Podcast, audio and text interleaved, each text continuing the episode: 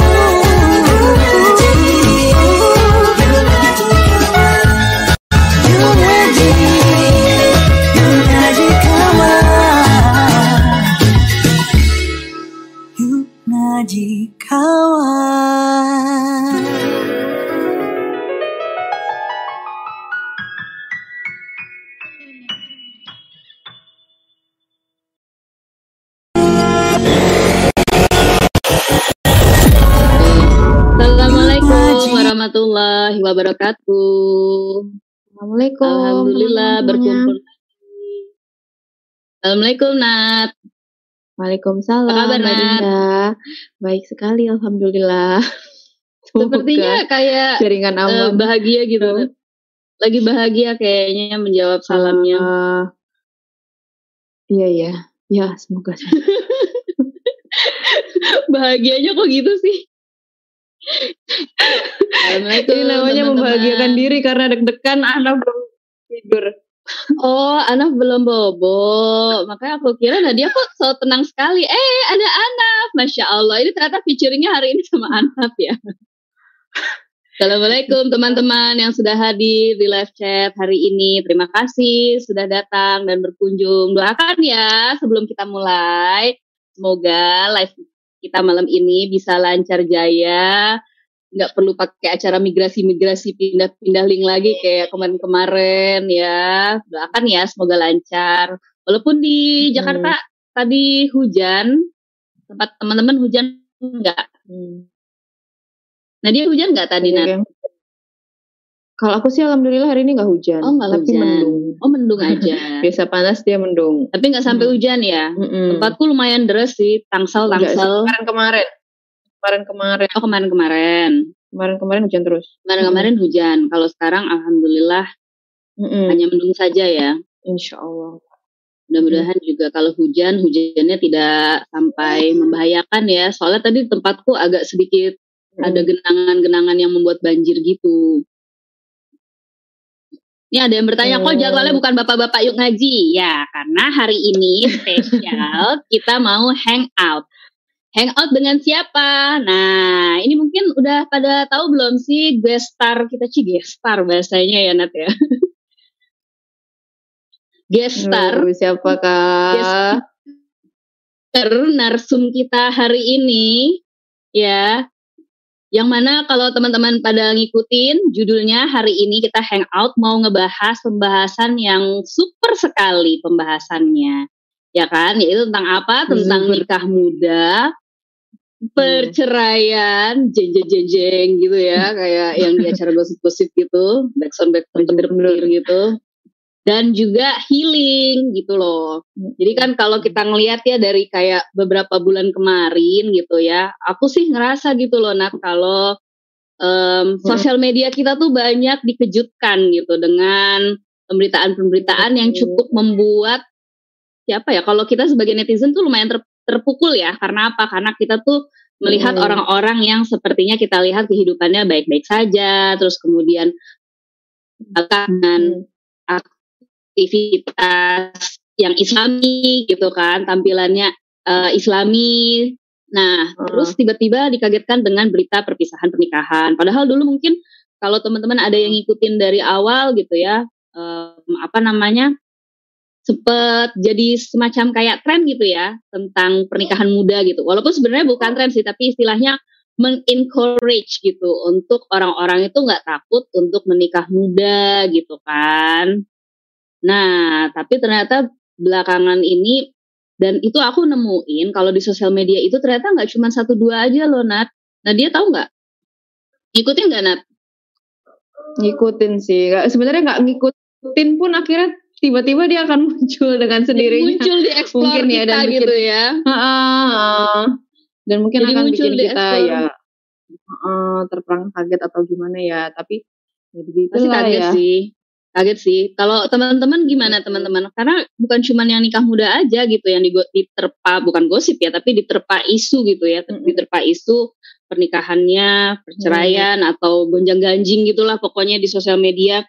Bahkan seperti yang senior aja gitu ya, ustadz-ustadz itu nggak lepas dari isu rumah tangga seperti ini gitu. Dan itu sempat membuat aku tuh kayak nggak tahu sih kalau teman-teman gimana. Kalau aku sih sempat ngerasa kayak ngedown gitu loh.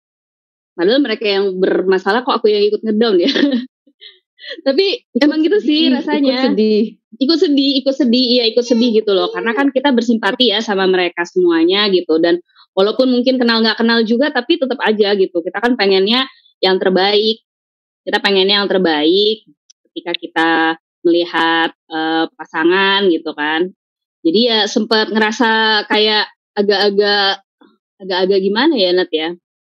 Ya gitu deh kalau ngelihat sosial media itu kayak sempat merasa kehilangan bukan kehilangan harapan juga sih, cuman kayak kenapa ya kok Punya ini kondisinya eh kejadian seperti ini berbarengan gitu. Banyak gitu, bukan cuma satu dua gitu. hmm, Terus udah gitu kalau ngeliat Hmm. komentar-komentar orang yang di luar sana gitu, jadi kayak kesempatan juga gitu untuk kemudian tuh kan yang namanya Hmm. ta'aruf gitu, yang disalahin kan ta'arufnya kan kesempatan yang namanya ya. ta'aruf. Heeh, gitu Ah. kayak kayak kayak gagal gitulah ya jadi fokus. Heeh, jadi akhirnya terus yang dibahas-bahas nggak nyangka ya ternyata pakaiannya Islami. Melebar Nah, itu tuh yang udah dibawa-bawa tuh. Nggak nyangka ya ternyata yang Hmm. kemudian bla bla bla bla bla bla dan lain sebagainya gitu. Itu sih yang aku rasain gitu. Makanya bintang tamu kita hari ini insya Allah ini luar biasa banget sih.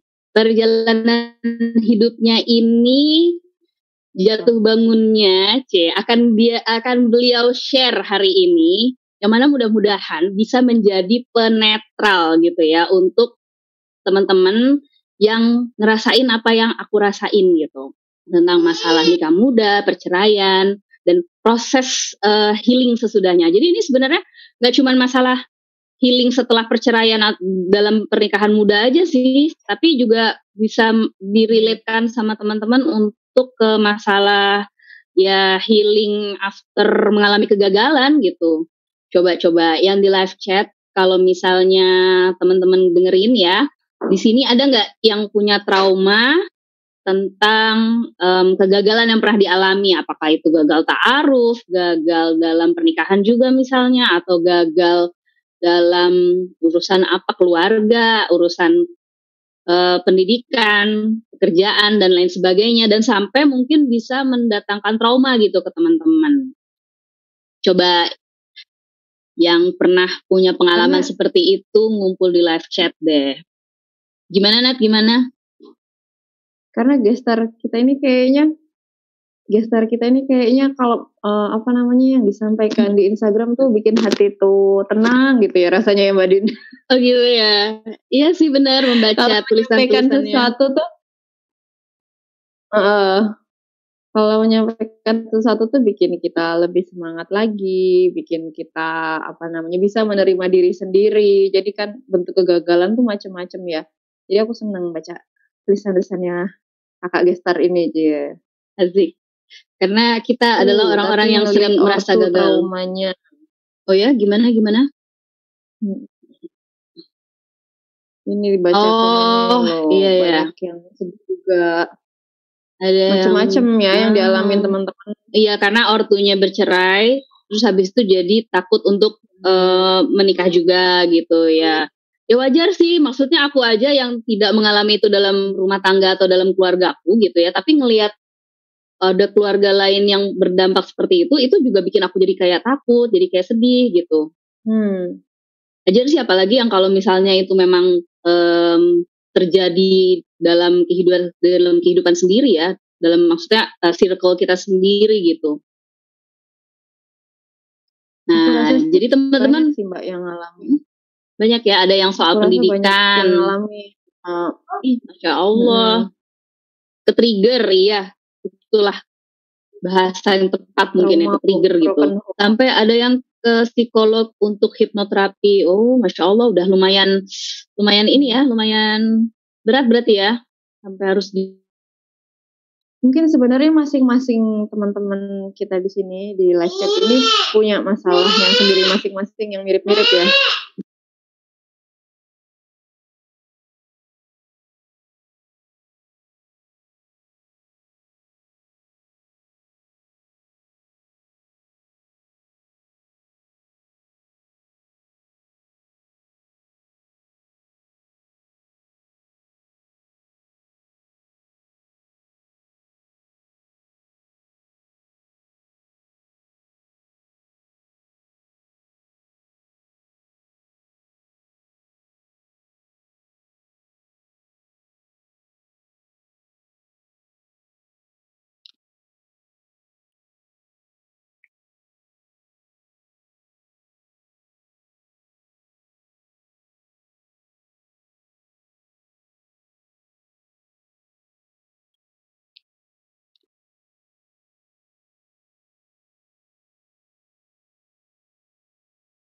Halo, tes. Halo. Ini aku yang hilang.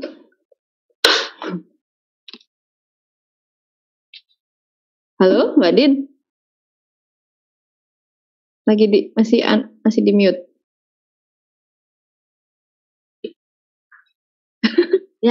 nge-freeze tuh tadi Aku pikir tuh ya tadi Mbak Yomin masih Yomin ngomong. iya aku hilang aku hilang aku keluar gitu Dan aku juga pas nge-freeze aku pikir aku nggak nggak jalan gitu terus taunya aku sendiri ya. Kita lanjut ya ini udah masuk lagi kok di YouTube. oh udah masuk lagi ya di YouTube, Nah, YouTube ya masuk. oke maafkan teman-teman tadi ada sedikit kego- kegoipan gitu ya tiba-tiba Iya, aku kita juga. langsung keluar sendiri Habis aku terus Mbak Dinda kayaknya. Terus tadi Mbak Dinda pas ngomong apa tadi aku pas nge-freeze.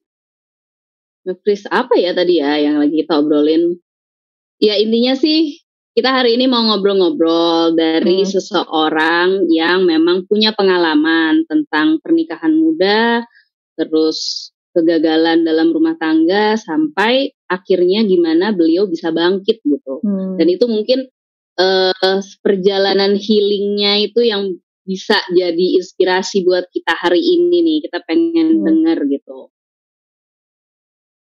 Ya, tidak usah menunggu lebih lama lagi. Kita panggilkan saja bagaimana Kak Nadira Arini. Assalamualaikum kakak, masya Allah. Assalamualaikum. Apa kabar Kak Nadira? Alhamdulillah baik, semakin menikmati hidup. Asik, luar biasa. Itu kalau kalau ketemu Dira ya. Eh ini guys, jadi untuk kebedain kalau aku panggil Nad itu Hmm. maksudnya manggil Nadia. Kalau panggil Dir itu adalah Nadira gitu ya. Karena namanya sama-sama depannya Nad Nad juga ya. gitu. Jadi mirip-mirip aku gitu merasa ya. terpanggil gitu dari tadi. Iya, dari tadi aku panggil Nat Nat maksudnya Nadia tapi ya terasa terpanggil Hmm. gitu ya. Eh, tapi memang itu deh kalau ketemu sama Dira itu jawaban-jawaban dalam menjawab salam aja tuh kayaknya luar biasa menambah energi positif gitu loh. Selalu seperti itu luar biasa banget itu makanya Iya luar biasa. ya mbak ya. Kenapa? Aku baru pertama kali ketemu. Sekarang baru pertama kali aku tatap muka sama Mbak Nadira, tapi Hmm. kayaknya auranya positif banget. Langsung positive vibes gitu ya, masya Allah luar biasa gitu. Makanya makanya kita undang hari ini nih buat Hmm. menyebarkan positive vibes. Soalnya tadi tuh Hmm. hujan, terus udah gitu mendung-mendung Hmm. gitu. Aku tuh di mobil sempet yang kayak gloomy-gloomy gitu Iya, lah benar. biasalah. Eh. Aku memang mantan set girl ya, jadi kayaknya aku harus sering-sering deket sama Nadira ya supaya tertular ini energi positifnya. Hmm. Sekarang kegiatan apa, Dir? Ah, sekarang ya lagi nulis buku keempat yang belum Oh, selesai Masya selesai. Allah. Ya harusnya ada buku buat kita ya mbak, Hmm. cuman itu masih masih nanti kita lagi. Plan selanjutnya ya. Oke, oke. Selanjutnya Insya Allah di saat yang tepat dari Allah. Terus Insya Allah. sekarang lagi berusaha untuk eh, mau pindah lingkungan ceritanya saya. Oh gitu. Mana Eh, ke mana? ada rencana mau ke Jerman lagi. Oh, Masya Allah. Di Jerman mau berapa lama di sana? Sekolahnya sih programnya tiga Tiga tahun. tahun. Ngambil? Cuman nggak Hmm. tahu. Allah terserah mau gimana tuh tengah jalan. Agak-agak lebih lama gitu ya. Kesangkut jodoh di sana kan bisa jadi dapat ini ya apa permanent resident gitu ya. Jadi atau malah pindah negara ke tempat lain kan nggak tahu. iya, walau saya. Masya Allah. Ya Allah, Dir, luar biasa banget. Jadi lagi mau proses ini nih, masuk sekolah, eh, apa, ngambil apa sih ininya, jurusannya? Kalau eh, ini yang ngambil eh, jadi kalau juru- jurusannya aku nggak tahu ya di Indonesia ada atau enggak. Kalau di Jerman namanya Heilpflegerin itu nanti akan jadi sebagai profesional yang mendampingi dan me- merawat orang-orang berkebutuhan khusus. Hmm. Oh, Masya Allah, keren banget. Itu di Jerman itu sampai ada ya, khusus universitas atau apa namanya, akademi atau course gitu ya? Hmm, Apa sih Itu memang- ininya, istilahnya? mereka perintilan banget sih. Jadi fokusnya tuh Perintilannya. harus dibaca detail jurusannya. Kalau nggak salah masuk jurusan karena detail banget. Oh, Masya Allah. Hmm. Keren, keren, keren, keren. Jadi buat nanti bisa menjadi apa istilahnya untuk mengadvokasi teman-teman yang punya kebutuhan khusus gitu ya, Dira. Keren, masya Allah. Anyway, teman-teman udah pada kenal kan, udah pada follow belum sih akunnya? Kak Udah Dira? paling. Udah ya, udah ya. Ada yang belum? Ada yang kenal, ada ya, yang ya. belum, ada yang baru kenal, coba kenalan dulu Nadira. Coba Dir, kenalin diri. Kak. ya. Eh, halo teman-teman semua. Nama aku Nadira hari ini biasa dikenal. Sebenarnya nama aku lebih panjang lagi, cuman itu aja dikenalnya. Hmm, apa ya, aku penulis, sudah menulis tiga buah buku, alhamdulillah. Sekarang apa? Sekarang sometimes eh, di waktu kosong juga kadang jadi konselor. Jadi kalau ada teman-teman yang punya trauma, biasanya aku mendampingi mereka supaya jadi lebih healing lagi gitu ya. Masya Allah. Oh. Sampai sekarang sedang berusaha untuk mencari jodoh gitu. Asik. open CV, open CV ya. Spesifikasi, spesifikasi. Kayak ada- ini loh, CV aku tuh bahasanya ada banyak. Ada bahasa Indonesia, ada bahasa Mm-mm. Inggris, ada Hmm. bahasa Jerman, ada ayo. Oke, siap pertukaran budaya gitu ya, pertukaran Eh, CV internasional ya. Eh, Buka peluang orang asing masuk ke kehidupan saya juga nggak apa-apa gitu intinya. Masya Allah. Mbak commute tuh mbak. Iya, Tadi commute. sorry, sorry, kepencet. Mm-mm. Nah, terus sesuai tema hari ini nih, kita kan mau denger sharing-sharingnya dari Dira nih ya. Jadi, sok deh, dilanjut deh ceritanya nih. Mulai Nikah tahun berapa waktu itu? Waktu itu nikah tahun 2016. 2016 berarti udah berapa tahun yang lalu tuh? Hampir lima tahun. Sekarang 2021, lima tahun ya? Sudah terlalu lima lama tahun. sendiri.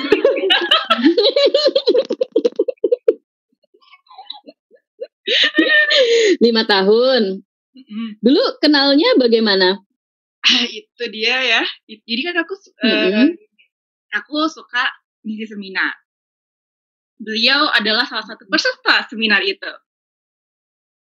Mm-mm. Dan terus akhirnya ternyata ya ter- tertarik gitu lah intinya akhirnya taruh. Cuman waktu itu aku mikirnya udah langsung ke ayahku aja gitu. Gitu sih. Ternyata Oh, keren. Langsung langsung langsung lah kok jadi gitu. Malah gitu. gitu sih. Jadi langsung langsung langsung tapi beneran langsung eh, udah berapa lama tuh prosesnya waktu itu Dir? Sebulan setengah maybe ya. Sebulan setengah. Jangan ditanya bulannya kan aku udah lupa. Oh iya iya oke oke. Aku lupa Agustus atau September gitu. Aku nggak inget beneran deh. Kayaknya sampai otak aku Pokoknya gitu. 2016 2016. 2016 oke oke. gitu dan em, pernikahan aku cuma bertahan tiga bulan. Tiga Oke tiga bulan. aja ya Oke. itu lumayan Oke, shockingnya oke. sebenarnya pernikahan aku dulu pada zamannya itu cukup viral sih. Pada zamannya. Dulu Karena- eh, mungkin ya konsepnya agak sedikit unik dibandingkan yang sebelumnya. Yang sekarang mungkin udah Mhm. biasa orang lihat konsep itu. Mhm. dulu tuh lebih sederhana terus eh, vintage kayak gitu eh bukan plastik plastik gitu konsepnya agak unik gitu lah jadi waktu itu di Instagram tuh aku sampai yang followers baru tuh bisa nambah puluhan ribu gitu cuman gara-gara Oh, masya. Allah. Luar biasa follower yang me- ini ya terinspirasi dari proses apa namanya dekorasi pernikahan konsep-konsepnya gitu ya. Oke Nah, oke. makanya nah, tiga bulan kemudian foto itu hilang tiba-tiba pelan pelan pelan pelan gitu itu Oh, boleh gitu. tuh sengaja aku Mm-mm. pelan pelan kalau langsung hilang kan kayak ada apa ini Mm-mm. jadi dari bawah dari bawah dari bawah aku Oke. gitu Luar biasa. Di sini ada nggak nih yang ngikutin bener-bener Dira dari 2016 di live chat? Coba komen Sampai- deh di bawah. nih. ada yang ngira ini loh mbak Hmm? ada yang ngira kalau aku tuh ke hack akunnya karena fotonya hilang semua Ah, I see. aja aku udahlah dihabisin aja lah fotonya mau itu foto pernikahan atau enggak gitu Kalian yang foto-foto Oh, hilang lain juga semuanya. hilang aja gitu ya? aku aku sih satu-satu pelan Oh. pelan nggak langsung Oh. semua pelan pelan pelan dia butuh berapa minggu lah untuk ngapus ngapus itu jadi sampai yang ngetek ngetek aku waktu itu kan Mhm. ramai banget yang ngetek eh, pernikahan aku itu aku an- antek antek satu satu satu satu Ya Allah, bener-bener tuh ya. Iya aku sampai kayak gitu biar gini ketika aku udah mutusin sesuatu tuh aku benar-benar gak kepo orang jadi kayak aku stop Mm. terus aku nggak peduli sama kehidupannya dia intinya kayak nggak dia udah kayak gimana ya dia udah kayak gimana aku dulu nggak kayak gitu Hmm. tipe yang kayak gitu ketika udah mutusin sesuatu ya sudah itu hidupmu bukan hidup aku gitu nah intinya ketika orang-orang bertanya-tanya kenapa sih kok bisa cuma tiga bulan loh ya ampun kok ya pasti gitu ya pertanyaan-pertanyaan Eh, stan sih. apalagi orang Indonesia kan lumayan agak tabu apalagi sampai sekarang juga masih kan perceraian itu Mm-mm. ini ada yang salah nih sama salah satu di antaranya Mbak. Eh, Kayak Kayak gitu. pasti langsung ke apa nih masalahnya nih, apa nih, apa nih, Iya. gitu kadang-kadang ya. Berspekulasi sendiri gitu. kadang nggak berspekulasi malah nanya langsung eh kenapa nih tahu deh kayak gitu ya yang nggak pantas kalau menurut aku deh Hmm. dulu ketika kejadian itu benar-benar ya Allah itu yang namanya Instagram keponya nauzubillah min dzalik Ya Allah. Dan sampai oh ada yang cari tahu gitu. teman dekatku siapa ditanya tuh kok kok fotonya hilang sih Kadira kenapa ditanya jadi dicari teman dekatku tuh jadi setiap hari aku nerima Allah. dir ini siapa dir ini siapa gitu sampai sekepo itu orang-orang Itu di komen langsung ya, Bu? di komen ada di DM ada bahkan nyari, kalau aku nggak Oh, jawab dia nyari temen deketku siapa terus ditanya-tanya diteror gitu jadi temenku tuh bener-bener nge ngechatnya tuh dia ini siapa kok dia Hmm. nanya kayak gini kan nggak pantas gitu-gitu karena aku nggak berespon aku nggak Mm, mm, mm. keluarga aku Iya. memutuskan untuk apa pun yang terjadi tidak direspon kan ketika terjadi perpisahan itu kan masing-masing pihak pengen kelihatan bahwa yang bersalah pihak sana bukan pihak ini gitu kan Nah, membenarkan ini ya, member- membersihkan diri gitu istilahnya ya. Jadi pas ketika kejadian terjadi, yang bisa aku lakukan adalah diam. Berusaha si Hmm. aib itu tidak terlalu keluar atau aku memberitahu ke banyak orang bahwa dia nih yang salah atau apa pun itu. Mm. Padahal keluarga aku juga kan keluarga penulis, jadi bisa aja kalau mau menjatuhkan dia di depan umum mah bisa-bisa aja. Cuman balik lagi, aku aku percaya bahwa dia juga pasti merasa dia yang benar gitu. Jadi ya percuma aja kayak begitu dan aib ketika kita dapat sesuatu kayak aib seseorang ya itu amanah buat kita untuk tidak mengeluarkan itu di depan umum kan ya maksudnya menjatuhkan pihak sana gitu. Jadi eh, waktu itu aku mikirnya itu pertama kali jaga mulutnya. Dia mau berespon apa fitnah pasti di mana-mana kan. Aku ya inilah aku itulah. Itu keluargaku cuma diem. Mau di, difitnah apa nggak ada respon sama sekali sampai pihak lain pihak yang memfitnah itu bosan sendiri karena nggak ada respon. Ah, gitu. Kirim apa diem pokoknya benar-benar nggak berkutik biasa gitu kan kalau kita nggak berkutik apa-apa orang udah "Eh, iya, kayaknya nggak berguna kita marah-marah juga. Mm, Gak ada Hmm. respon sama sekali. Aku langsung ngur- ngurus ngurusin pisah langsung. Kenapa? Ini saran buat teman-teman perlu diurus secara negara ya. Jadi siri aja maksudnya secara agama pisah, tapi secara negara tuh perlu untuk diakui bahwa kamu sudah cerai gitu. Segera diurus. mm. Karena banyak mungkin kejadian-kejadian yang tiba-tiba si mantan kita tuh berulah karena kita masih status istrinya kita yang dikejar-kejar gitu. Mm-mm. Jadi mendingan Ah, oke. kita gitu. Aku langsung ngurus itu dan memang agak alot. Jadi perpisahan aku tuh setengah tahun, mbak, setengah tahun bayangkan. Setengah Baru tahun. Bisa. Jadi dari tiga bulan menikah, terus habis itu diambil keputusan untuk berpisah di bulan ketiga, terus setengah tahun itu untuk butuh waktu untuk menyelesaikan proses itu. Proses. Jadi sebentar. Jadi itu benar-benar Hmm. karena punya trauma di ruangan tertutup kan. Mm-mm. Jadi di ruangan sidang itu aku tidak melihat siapa pun kecuali aku dan dia doang. Jadi kayak gitu. Oh. Jadi benar-benar kalau trauma kan begitu ya. Kita suka nggak sadar sama keliling gitu. Ya itu keluar dari tempat sidang tuh aku udah nggak bisa nafas gitu. Nah itu yang bikin ayahku udah ya Allah nih anak ini perlu diselesaikan sampai mau nggak mau pakai pengacara mau nggak mau karena nggak kelar kelar ini sidang. Hmm. Tadinya diurus sendiri tadinya. Hmm. gitu gitulah Ta- tapi yang perlu aku yang sama proses enam bulan itu ngurus di kepalaku cuman eh, aku perlu aku nggak perlu nyalahin Allah ini itu di pertama Hmm. Aku nggak perlu nyalahin Allah. Kenapa? Karena ini mungkin udah dipilih sama Allah. Maksudnya Allah sayang sama aku. Dan itu pasti sudah terjadi dalam kehidupan aku. Aku nggak perlu protes. Itu yang aku ulang-ulang terus. Jadi aku nggak perlu protes. Aku hanya cuman bilang sama Allah bahwa Hmm. ya Allah ini berat. Aku tahu. Cuman kasih tahu kasih, berikan seseorang atau beberapa guru yang bisa nuntun aku menjadi wanita kuat itu seperti apa itu aku waktu itu kayak gitu. Jadi nggak protes Em, dan hal lainnya yang langsung aku lakukan adalah aku bilang ke orang tua aku bahwa aku butuh psikolog. Mm-mm. karena kalau misalnya Hmm. tidak dis- disembuhkan maka akan ke mana-mana. Kalau memang Allah men- memberikan peluang aku untuk menikah lagi aku akan aku ingin menikah dalam kondisi sudah stabil secara mental. Jadi tidak Oke. merepotkan eh, suami masa depan aku gitu. Itu dari awal aku udah mikir kayak gitu. Jadi aku nggak membiarkan diriku terlalu lama nangis-nangis nggak jelas terus gak ngapa-ngapain gitu. Itu yang aku lakukan di awal. Pertama tadi aibnya aku jaga itu aku tahan gitu. Mm. terus Mhm. membiarkan eh, keluargaku untuk healing maksudnya siap untuk memberitahu ke halayak umum gitu. Itu selama setahun. Terus kedua aku em, langsung ngurus pisah. Yang ketiga em, aku eh, apa tadi langsung ke psikolog untuk healing. Jadi kalau ada teman-teman yang nanya biar gimana nih biar bisa nerima? Gimana nih biar ini traumanya nggak begini terus langsung kalau butuh bantuan akui aja kalau butuh bantuan gitu. Nggak bisa Hmm, sendiri nih kalau ada trauma-trauma kayak gini nih waktu itu pada zamannya orang tua aku masih ngerasa ngapain butuh psikolog kayaknya masih aneh gitu ya Mm-mm. cuman aku tahu kok Mm. Pak kalau tidak tidak selesaikan ini secara langsung gila ini aku butuh bantuan ini susah banget maksudnya Hmm. gue macem-macem nggak bisa tidur ya biasa kan bener-bener kaget-kaget gitu kalau Hmm. kalau tidur kayak dikejar segala macam terus eh, kejadiannya yang membuat buat aku pada waktu itu sangat menyeramkan sekali gitu jadi nggak merasa safe Hmm. sebagai manusia Hmm. gitu Hmm. iya Ya udah Allah. banget lah eh, apa hal-hal itu nah terus yang menarik orang tahu kan nanya mamaku sih lebih tepatnya nanya Badira gimana kalau pisah nggak sedih nanti orang-orang nanya gimana gitu kan pasti Hmm. orang tua Mm-mm. khususnya mamaku yang nanya nah entah kenapa ya karena mungkin dari awal aku dari awal bilang aku percaya sama Allah tiba-tiba inspirasi muncul aja terus keluar gitu dari mulut aku Oh iya, keren banget. ini kok bisa ngomong kayak gitu gitu nah aku tuh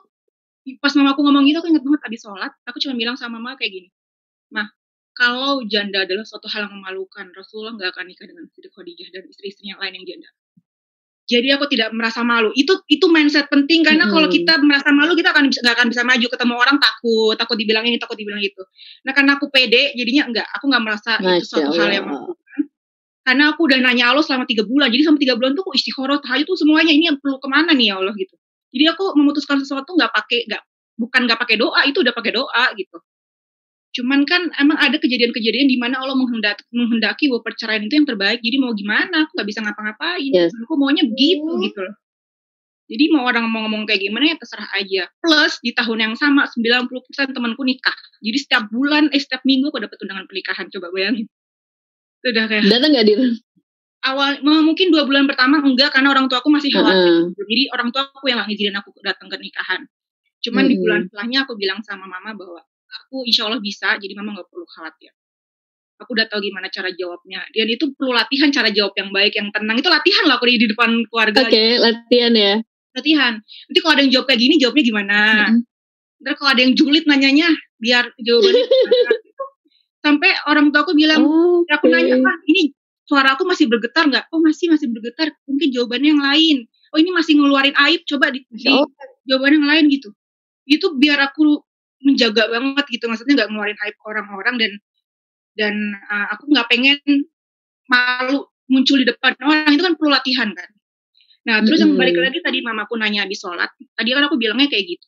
Ayahku juga sama.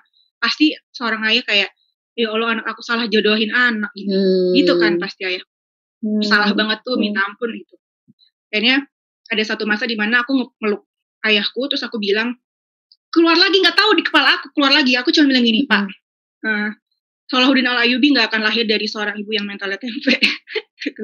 Asik luar biasa.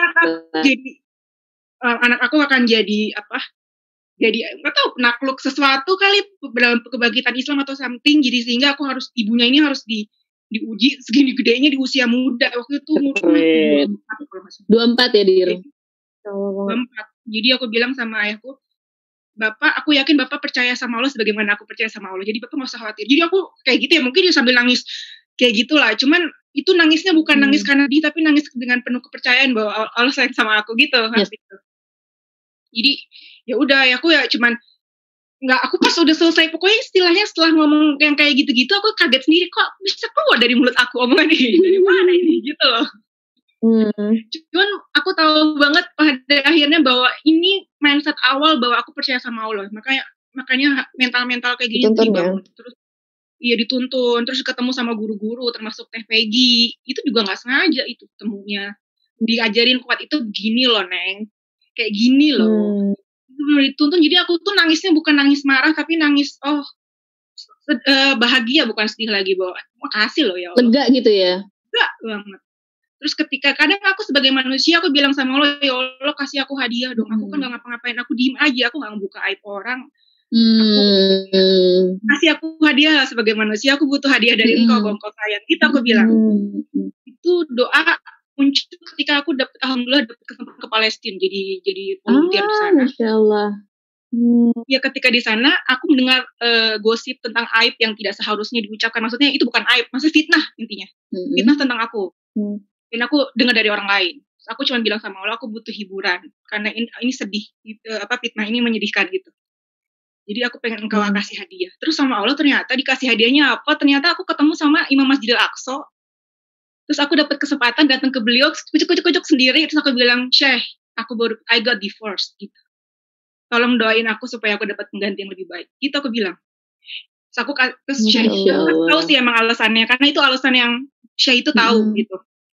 Terus beliau langsung Hmm. kaget terus langsung didoain terus dia bilang baca doa ini setiap kamu sujud terakhir insya Allah kamu dapat pengganti jadi buat aku Allah udah sayang sama aku didoain sama Imam Masjidil Aqsa jadi buat apa aku kayak bertanya-tanya siapa lagi suami aku siapa lagi itu pasti udah pasti lebih baik gitu udah didoain loh Imam Masjidil Aqsa ya udah jadi imam. Masya Allah, luar biasa banget. Terus I'm so happy kayak itu yang fitnah itu kayak bodo amat lo mau mau fitnah apa gue udah dapat doa dari seorang Imam Masjidil Aqsa aku Itu peduli. hadiah hadiah terbaik dari Allah ya, Hmm. artinya benar-benar ya. Dan itu minta teman-teman. Maksudnya minta hadiahnya. Aku pengen ya manusia kadang pengen diakui sama Hmm. teman sendiri kan. Hmm. bahkan ketika kita ngaca kita kan pengen melihat bahwa diri kita cantik gitu. Atau Yes. pengen diakui Hmm. sama orang lain. Baju kita bagus itu normalnya manusia. Dia Hmm. pengen diakui. Nah aku juga pengen diakui sama Tuhanku sendiri bahwa kesabaran aku itu tidak terbalas dan dia Tuhanku tuh melihat kesabaran aku gitu loh. Jadi aku doanya gitu Hmm. Langsung eh, ya udah aku udah tenang bener-bener udah happy kayak bodo amat sama fitnah-fitnah itu aku terima. Oh, keren banget. Itu itu serius Itu deh mungkin- mindsetnya itu ya Dira. ya. Itu mindset yang ibaratnya gini. Hmm. Kalau di posisi Dira, aku mencoba ya atau di posisi para wanita yang mungkin tersakiti dan dia berusaha itu tadi kan harusnya dia menjaga aib atau ya kita pinginnya kondisi suasana itu tidak menjadi lebih ribet gitu kan. Tapi kan menahan menahan sesuatu itu dan ketika kita tahu bahwa kita yang benar terus mau ngomong itu kan sebenarnya nggak gitu gitu. Itu kan kayak yang aduh itu berat banget sih wajar gitu kan. Makanya akhirnya ada yang sampai eh, lepas gitu karena memang ingin membela diri atau bagaimana dan lain sebagainya. Ya kita nggak tahu lah ya. Tapi memang aku memahami sih rasa rasa sakitnya ya rasa tekanan yang dialami gitu kan. Bahwa kita terus kemudian yang difitnah disalahkan. Tapi ternyata mindsetnya itu keren banget gitu loh. Ketika ya udah kita minta hadiah Hmm. sama Allah gitu ya atas eh ya bilang ya sebut aja bahwa itu satu kebaikan dari kita kita berusaha untuk sabar dan tutup mulut. Itu kita minta sama Allah deserve hadiahnya gitu. Itu catat tuh teman-teman. Bisa dipraktekin ke apa aja ya Minta berarti ya langsung. Dir ya Sama Allah Oh, ya. minta langsung. Ya Allah aku kan udah berbuat baik aku tidak melakukan apa yang engkau larang gitu kan. Aku berusaha menjaga dan lain sebagainya gitu kan. Aku mau dong hadiah. Aja gitu loh teman-teman tapi baru Hmm. kebayang aku sekarang like, Keren, keren, keren. kita sendiri, why not gitu? Hmm, iya ya. Kita minta kan. Iya, Kita bener minta juga gitu. hingga Mm-mm. perkenankan bagimu ya udah itu ayat itu kita paham loh. Cuman kenapa pas itu kejadian dalam hidup kenapa nggak dipraktekin gitu loh? Nah, Makanya itu. Betul, betul. yang bilang betul. Allah tuh kok gak ada loh. Kamu ngaji berapa tahun sudah tahu bahwa Allah itu bersama kamu. Kenapa kamu lupa ketika ada ada ada soal persoalan yang datang dalam kehidupan kamu gitu? Itu kan justru butuh dipraktekin gitu. Jadi aku cuma merasa bahwa engkau dekat. Aku nggak tahu sedekat apa engkau, tapi aku tahu engkau dekat. Jadi kalau aku minta sesuatu tolong dikabulkan. Dan balik lagi kenapa aku bisa lebih percaya sama Allah? Balik lagi ke pertanyaan-pertanyaan yang dari mana kamu hidup? Untuk apa Hmm. kamu hidup? Dari mana? Hmm. Itu kan jelas-jelas itu balik lagi. ya aku hidup buat Allah ibadah sama Allah kalau Tuhanku maunya gini ya sudah terima saja menerima itu kan yang Hmm. kadang susah kayak step Betul. awal kan uh, uh, aware dulu aware apa yang terjadi dalam diri kita oh Hmm. kita sadar nih kita lagi Hmm. begini step yang kedua adalah uh, accept. Oke aku terima ini terjadi. Itu kan butuh proses aku terima aku pisah aku jadi janda dalam usia muda. Teman-temanku nikah semuanya aku jadi single lagi gitu. Hmm. yang ketiga itu lo, lo itu adalah tahap di mana sudah ikhlas dan ridho. terima itu ada dalam kehidupan aku. Aku lo ikhlas aku pasrah. Itu di tahap ketiga gitu. Nah tahap keempatnya adalah way cari jalannya gimana nih supaya aku survive gitu. Nah untuk pada ketika orang punya masalah tahap accept itu juga kadang susah untuk menerima bahwa aku jadi janda untuk menerima Tahap menerima tuh susah banget ya. tahap menerima Mm-mm. makanya di paling awal tahap menerima jadi ketika kalian belum menerima pengen ikhlas tuh nggak bisa karena itu tahap ketiga Hmm. Hmm. ikhlas ridho itu ada di tahap ketiga yang pertama tuh Menerima. accept dulu Hmm.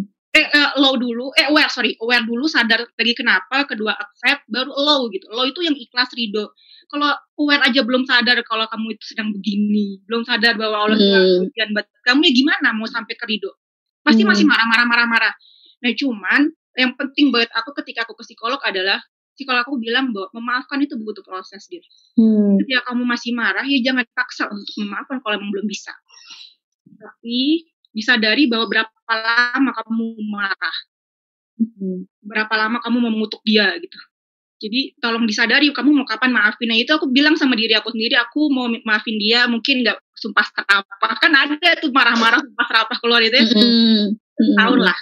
Aku bilang ke diri aku sendiri setahun.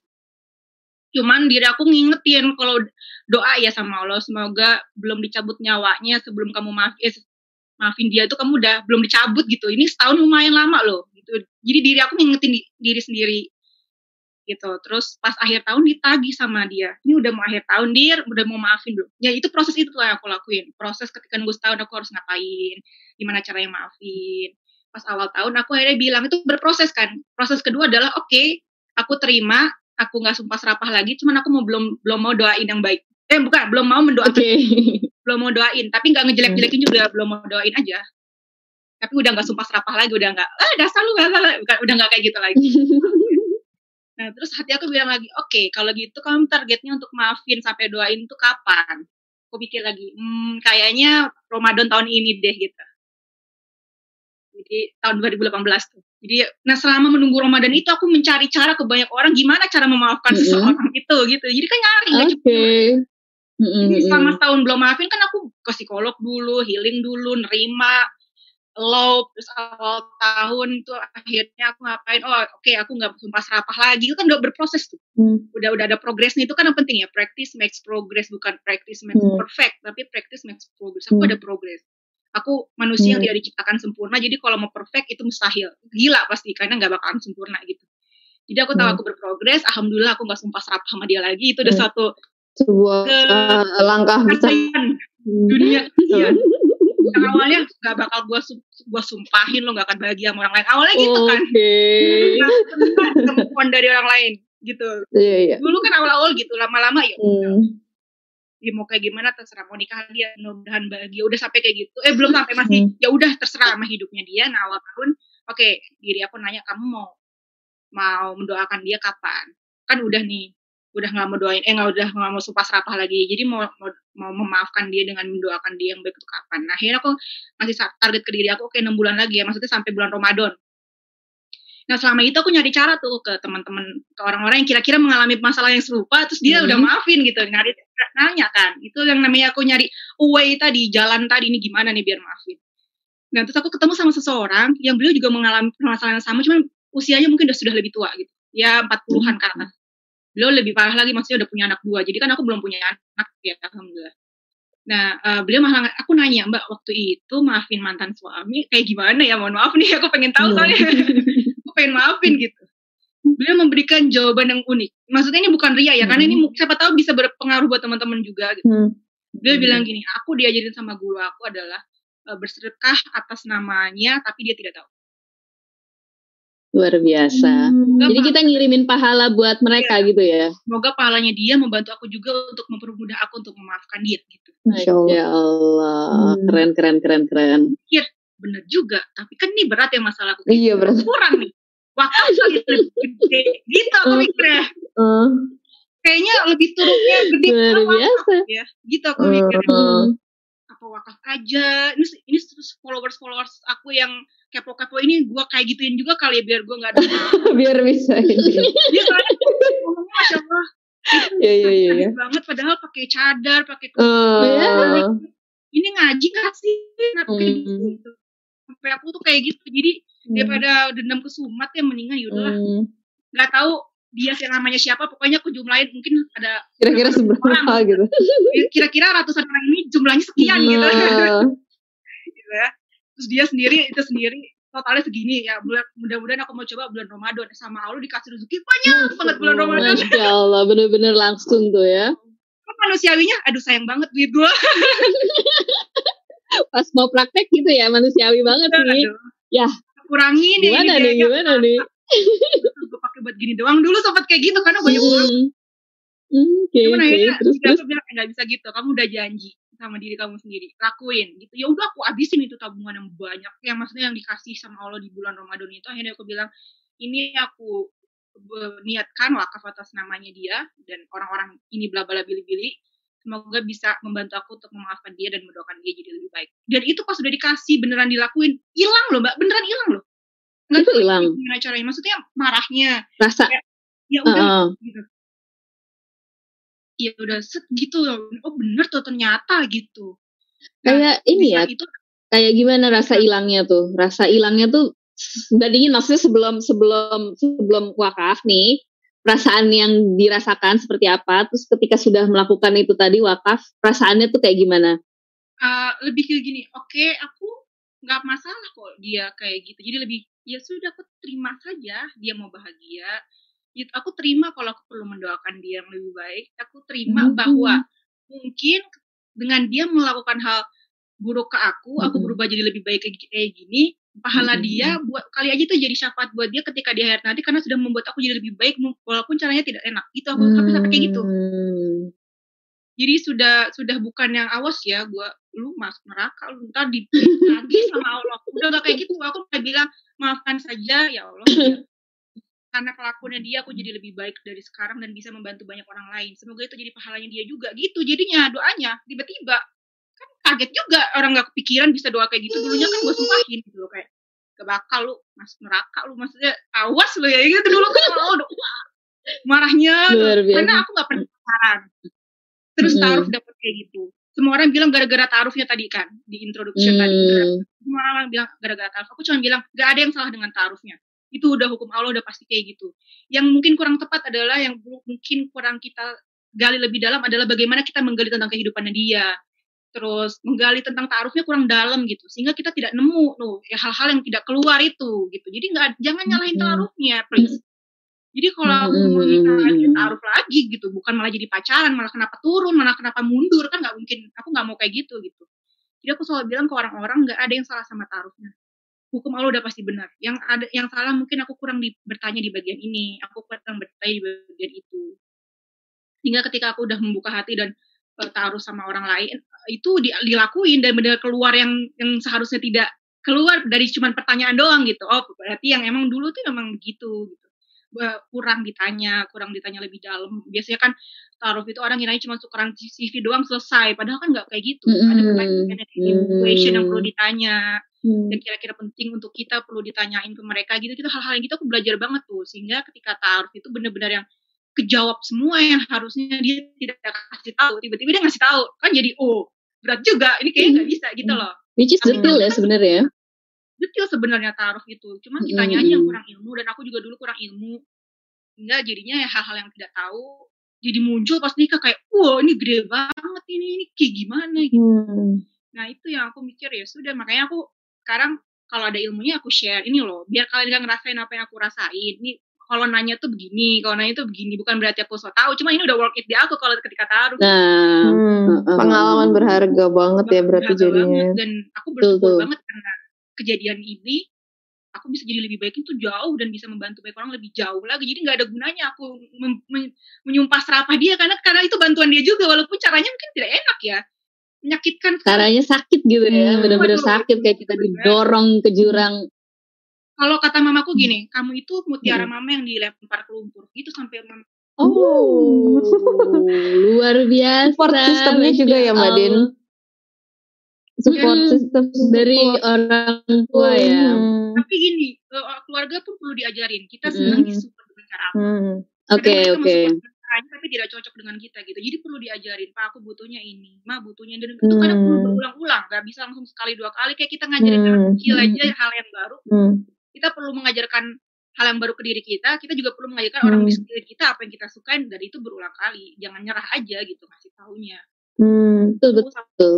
Iya, dan kenapa aku merasa healing itu perlu cepat? Karena aku punya adik empat, Mbak. Mm-mm. Hmm. Kalau misalnya Insya Allah anak pertama ya. Iya, nggak berdiri dengan Hmm. gerak, nanti adik aku trauma pernikahan. Iya sih, ah, ah, ah, bener. Ah, betul, betul. Sambil bawa Jadi beban itu juga berarti ya. Ah, ah. udah sealim itu menurut gua terus dia lagi gua gitu loh Hmm. ada yang kayak gitu dan emang walaupun aku secepat itu ada dua adik aku yang dia nggak mau ngomongin pernikahan lagi selama dua tahun Hmm. Oh, jadi yang merasa trauma itu bukan cuma Dira Bukan cuma sendiri ya, tapi sampai ada Orang-orang terdekat ya. gitu ya. dan pada tahun 2019 eh 2020 ayahku mengakui bahwa ayahku masih trauma coba Hmm. 2020. jadi kalau ditanya pak kan orang-orang pada bilang eh ayah kamu tuh kok nggak nyariin gitu loh kan banyak loh segala macam loh setiap ditanya Mm-mm. aku cuman terus ke kamar mandi itu tuh nangis Oh. karena masih kayak aku nggak Iya, sanggup iya, iya, iya. nih doain anak aku lagi gitu akhirnya aku bilang pak kita ini nggak bisa gini. Aku kalau aku healing bapak tidak healing itu repot gitu. Jadi bapak perlu healing juga. Jadi memanggil psikolog untuk dirinya sendiri gitu. Dan, Hmm. dan akhirnya juga satu keluarga di healing ngambilin ma- ngambil lagi apa memanggil psikolog keluarga. Itu butuh waktu aku me- mengajarkan mereka tuh itu tahun 2020 ya aku pisah 2016 coba 4 tahun untuk ngomong kayak perlu di healing. Kayaknya nggak cuma aku aja bapak ya mama juga gitu loh. 4 tahun coba banyak orang-orang yang dia menyerah duluan ketika meyakinkan orang tua meyakinkan keluarganya. Langsung bilang bahwa mereka tuh nggak akan pernah ngerti. Loh bisa jadi emang bukannya tidak ngerti tapi yang namanya ngajarin orang tuh kan perlu berkali-kali. Kalau cara A nggak bisa cara B cara C. Nah itu loh ke kekreatifan kita untuk Betul sekali. orang tua itu ya. Untuk ngomong ke orang tua ya, soalnya kayak teman-teman di sini pada bilang, wah kayaknya support system dari keluarga Kadira tuh udah kayak yang sempurna gitu, udah pas banget gitu. Tapi itu kan ternyata juga by proses ya. proses Which is mungkin teman-teman di luar sana ada yang mengalami kejadian seperti ini, terus kemudian merasa tidak disupport dari orang tua. Nah itu tadi tuh Kadira bilang bahwa memang orang tua itu ya perlu dikomunikasikan, perlu diajarkan juga gitu ya. Support seperti apa yang mau eh, kita eh, yang kita butuh gitu kan. Kita lebih senang seperti apa. Karena kadang orang tua tuh kan hanya berpikir dengan caranya gitu ya. Kalau kalau gue gitu misalnya sebagai orang tua, gue pasti akan ngomong begini begini begini, tapi belum tentu anak itu ternyata merasa bahwa itu adalah ungkapan support atau bahasa cinta gitu. Dia nangkepnya bisa aja beda gitu kan. Hmm. Makanya Dan dikomunikasiin. jadi orang tua itu bukan nggak mau dia beliau tidak tahu cara lain yang beliau tahu Hmm. Nah, iya. Mungkin gitu. dan kita Cuma sebagai tahu orang satu tua cara gitu ya. mengajarkan Hmm. ke orang tua perlu proses karena beliau lebih tua Betul. Tapi kenapa dulu loh, ma, pak, ke sini loh. Kau kan ditolak dulu, dimarahin dulu lah. Iya, gitu. iya, iya. Hanya nerima itu tuh. Hmm. Nah, waktu itu aku bilang sama Allah, aku terima untuk memulai prosesnya dari awal. Jadi kalau aku Mm-mm. harus mulai ngeyakinin ini itu ini itu sembuhin diri sendiri, aku terima ya Allah, aku mulai prosesnya dari awal. Penerimaan untuk memulai proses dari awal itu tidak semua orang mau, makanya itu yang perlu mau dulu deh gitu. Mau nggak mulai dari awal, healing dari awal. Dan ternyata ternyata eh, menarik pria yang seperti itu tuh dari kita juga misalnya punya trauma zaman kecil belum selesai, eh ketarik yang laki-laki yang kayak gitu. Hmm. Itu kan perlu Hmm. di healing gitu. Hmm. Dan Hmm. kasih tahu ke orang tua lagi bahwa aku maunya pria yang seperti ini loh bukannya itu loh apalagi kalau janda-janda itu kayak udahlah nikah jadi istri kedua aja istri ketiga istri keempat itu udah biasa Hmm. kan Hmm. kita bilang tidak itu kan Hmm. butuh aku nggak mau gitu aku sukanya yang begini begini dan Hmm. begini gitu itu perlu nggak aku kasih tahu Hmm. ke orang tiga tahun loh aku maunya karakternya kayak gini gini gini gini. Hmm. tolong dicarikan kalau mau carikan yang begini gitu. Itu kayak ih kenapa sih nggak yang ini aja? Ih kenapa? Itu dari keluarga sendiri loh. Hmm. itu ngomong berulang-ulang tapi caranya beda-beda gitu. Jadi yang hal-hal yang kayak gitu yang perlu di, diulang pelan-pelan. Kalau misalnya mikir ih udah lima tahun berarti Kak Dira nggak move on. Bukan nggak move on traumanya banyak sister pertama itu. Oke. Kedua udah menjalani proses tapi karena udah berhasil bisa nanya taaruf yang detail jadi wah ini nggak cocok nih cari yang lain gitu dan mindset aku sederhana sih Eh, biar nggak ya buat gagal taaruf nih ya biar yang nggak terlalu oh gagal lagi gagal lagi di kepala aku tuh ya kalau taaruf gagal-gagal terus aku cuma bilang Mm-mm. there is a lot of fish in the sea banyak pria di dunia ini sebanyak ikan di Asik. lautan Is- kalau Ikan di lautan masih banyak ya. Masih banyak gitu kalau misalnya eh, di, di misalnya anggap kita nyarinya di Samudra Hindia terus nggak ketemu pindah ke Samudra Pasifik. Maksudnya gimana? Pindah lingkungan. Mungkin yang dicari nggak ada di situ gitu loh. Nggak di situ. Makanya ke Jerman ya, Dir ya. iya karena sudah hampir tahun belum ketemu juga. Aduh kali aja jodoh saya di Jerman kan? Siapa tahu dari Jerman ternyata nggak di Jerman ya ternyata melanglang buana ke Barcelona misalnya atau ke mana gitu.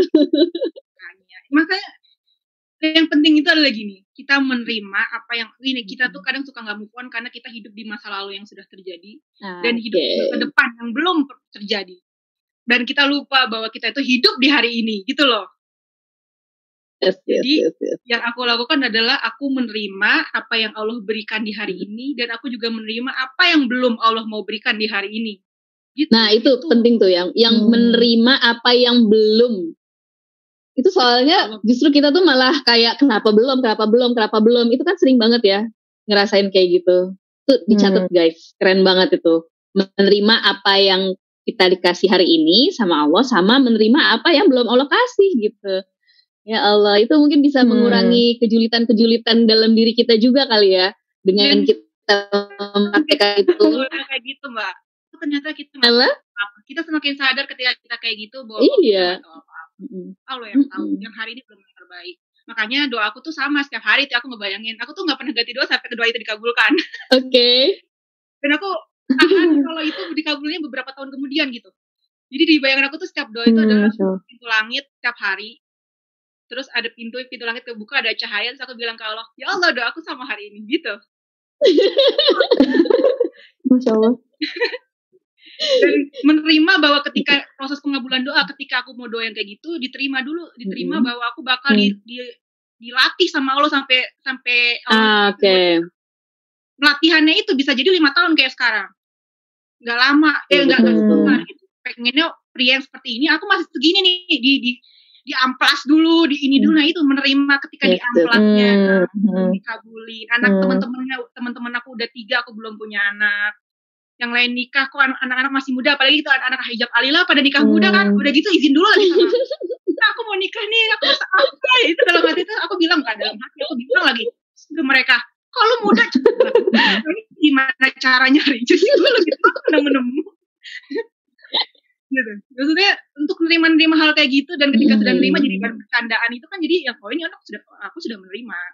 Hmm. gitu teman-teman juga sama aku usia Hmm. segini belum nikah aku usia segitu belum nikah ya ampun nggak apa-apa gitu Allah nggak akan nanya kenapa kamu nggak nikah nikah orang itu jadi Iya benar. Allah gitu yang penting Hmm. proses kita itu benar apa enggak proses kita melaluinya dengan baik itu benar atau enggak kalau kita yang belajar nerima kalau kita yang belajar itu kita perlu ngajarin orang lain termasuk orang tua sendiri kita perlu ngajarin aku maunya Hmm. loh laki-laki yang kayak gini biasanya kita nggak ngasih tahu orang tua maunya kayak gimana giliran ditawarin kita nolak terus diomelin lagi kok nolak nolak Nah, iya, kita nggak pernah kasih tahu maunya apa, iya kan? Ya, ya, ya. nggak kasih tahu enggak gitu-gitu loh jadi hal-hal yang kayak gitu ya aku enak aku, aku belajar aku perlu begini perlu begitu ternyata kayak misalnya aku aslinya idealnya aku suka Mm-mm. sama orang asing idealnya Idealnya, yes, yes. Cuman kan perlu dikasih tahu ke orang tua aku bahwa aku suka sama orang Hmm. asing loh orang Indonesia nggak cocok di aku gitu itu kan tiga tahun itu jadi ngasih tahu beda-beda caranya terus nggak tahu kenapa aku kalau taruh sama orang asing tuh lebih excited dibanding sama orang Indonesia. Ini dari hati yang terdalam teman-teman ya. Nah, itu Jadi dari kalau teman-teman yang punya kenalan, makanya ini maksud aku itu sulitnya orang Bisa tua jadi ya mbak. Kenapa? mm-mm. Bisa jadi doa juga. Biar Iya, aku bilang sama dulu kan orang tua ada eh, ibuku sempat bilang, ini aku punya ibu dua kan, ibuku tuh sempat bilang, ih jangan, jangan, jangan ini, jangan, jangan itu nggak bakalan gitu ya. Aku cuma bilang sama ibuku gini, Hmm. jangan pernah bilang jangan, jangan. Badira khawatir dengan kalau ibu bilang tidak, nanti malah sama Allah itu yang dikabulkan. Benar-benar, iya. Sebagai orang tua ya, apalagi ibu itu doanya kabul banget. Ucapan aja itu, nggak doa gitu ya, ngomong selentingan aja itu terjadi gitu. Itu aku Luar biasa. dulu. Akhirnya aku latihan untuk ngomong amin aja sama doa anak yang aneh gitu. Udah, amin aja, udah. Gak usah dalam hati, "Ih, itu aneh banget, gak perlu, gak perlu. Coba latihan ngomong amin dengan doa anak yang suka aneh-aneh gitu. Aku pengen ini, aku pengen itu.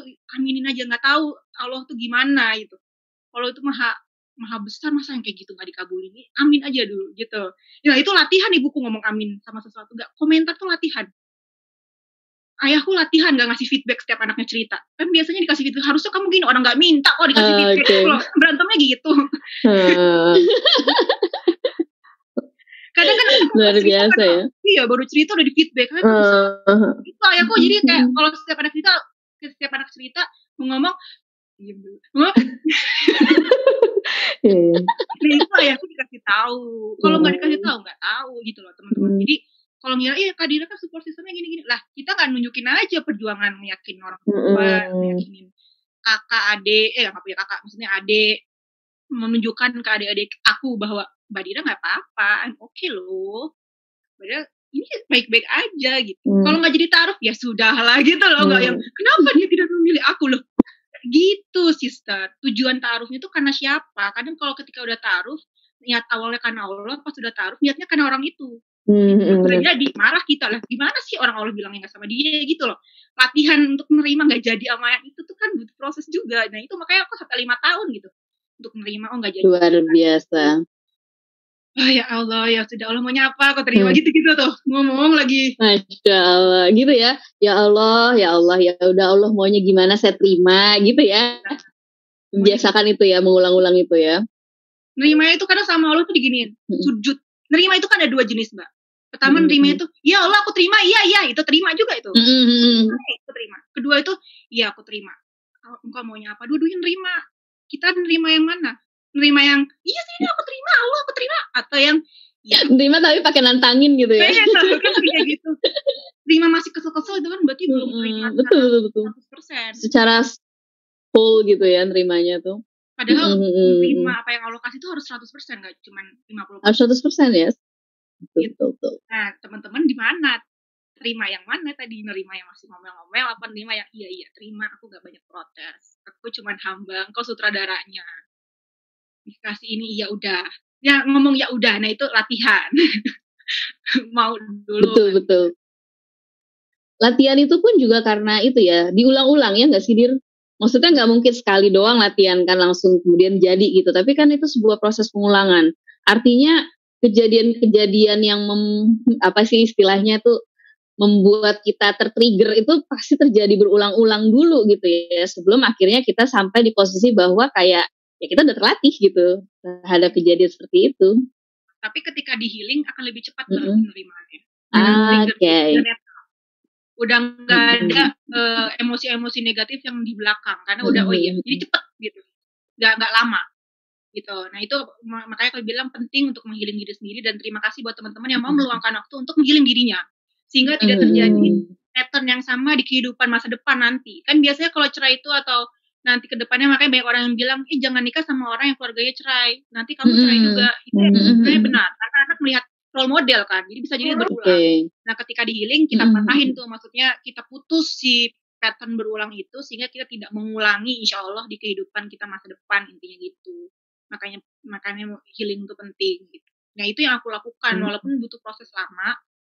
Ya, nggak apa-apa gitu. Emang bagian harus yang dijalanin itu ya untuk memutus supaya tidak menjadi rantai mengikat seterusnya sampai misalnya ya dampaknya ya.